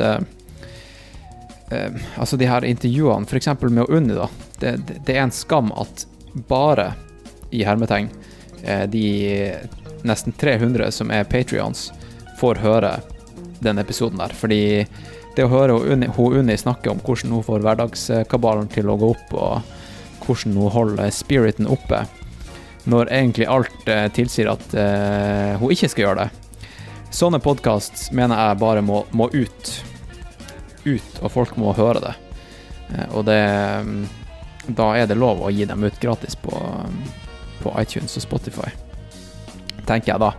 Men eh, jeg vil egentlig bare benytte eh, muligheten til å si tusen takk til dem som er Patrion. Og, og hvis du nå hører på denne podkasten her og ikke er Patrion, så vil jeg egentlig bare benytte sjansen til å oppfordre deg til å gå inn på patrion.com slash nedaproject og melde deg på den her mest bang for the buck-pakka, for da får du tilgang til podkasten og eh, Slack-kanalen til, til Noe det alvor, der du kan prate med hundrevis av andre ultraløpere, eh, mange av de beste i hele Norge, og spørre dem om utstyr og ernæring og eh, hva dere vil, egentlig. Eh, og det kommer som regel svar i løpet av noen få minutter, og jeg svarer dere ganske kjapt, og det er rett og slett et eh, fint lite samfunn der. Så kan jeg også melde om at eh, det er capser på vei. Jeg har fått eh, 100 capser fra Medium Tall, som nå er i kjelleren min, og jeg venter nå på de her badge, badgene som jeg kan sy på før jeg kan selge, selge capsene til, til dere eh, der ute. Eh, så mm, eh, det skal dere få høre alt om på Patrion når capser er tilgjengelig, tenker jeg. Fordi Patrions får, får, får høre om det først, og så legger jeg det ut på Instagram etterpå, når, det, når jeg ser hvem som Hvor mange av Patrions som vil ha caps. Men eh, folkens, nå skal jeg ta og lage meg litt eh, middag her, eh, og så skal jeg klippe ferdig den podkasten her, og så tar vi og snakkes i neste episode, som da blir med han Askild Vatnbakk Larsen. OK? Over og ut. Roger og Knut.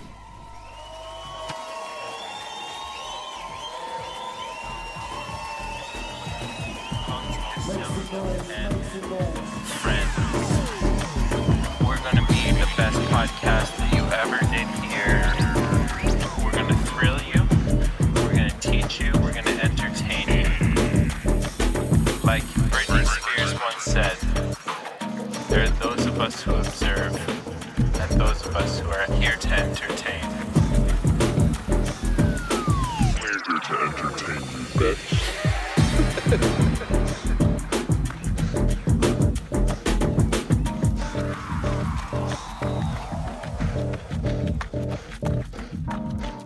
Ja, men ingenting er så gærent at det ikke er godt for noe.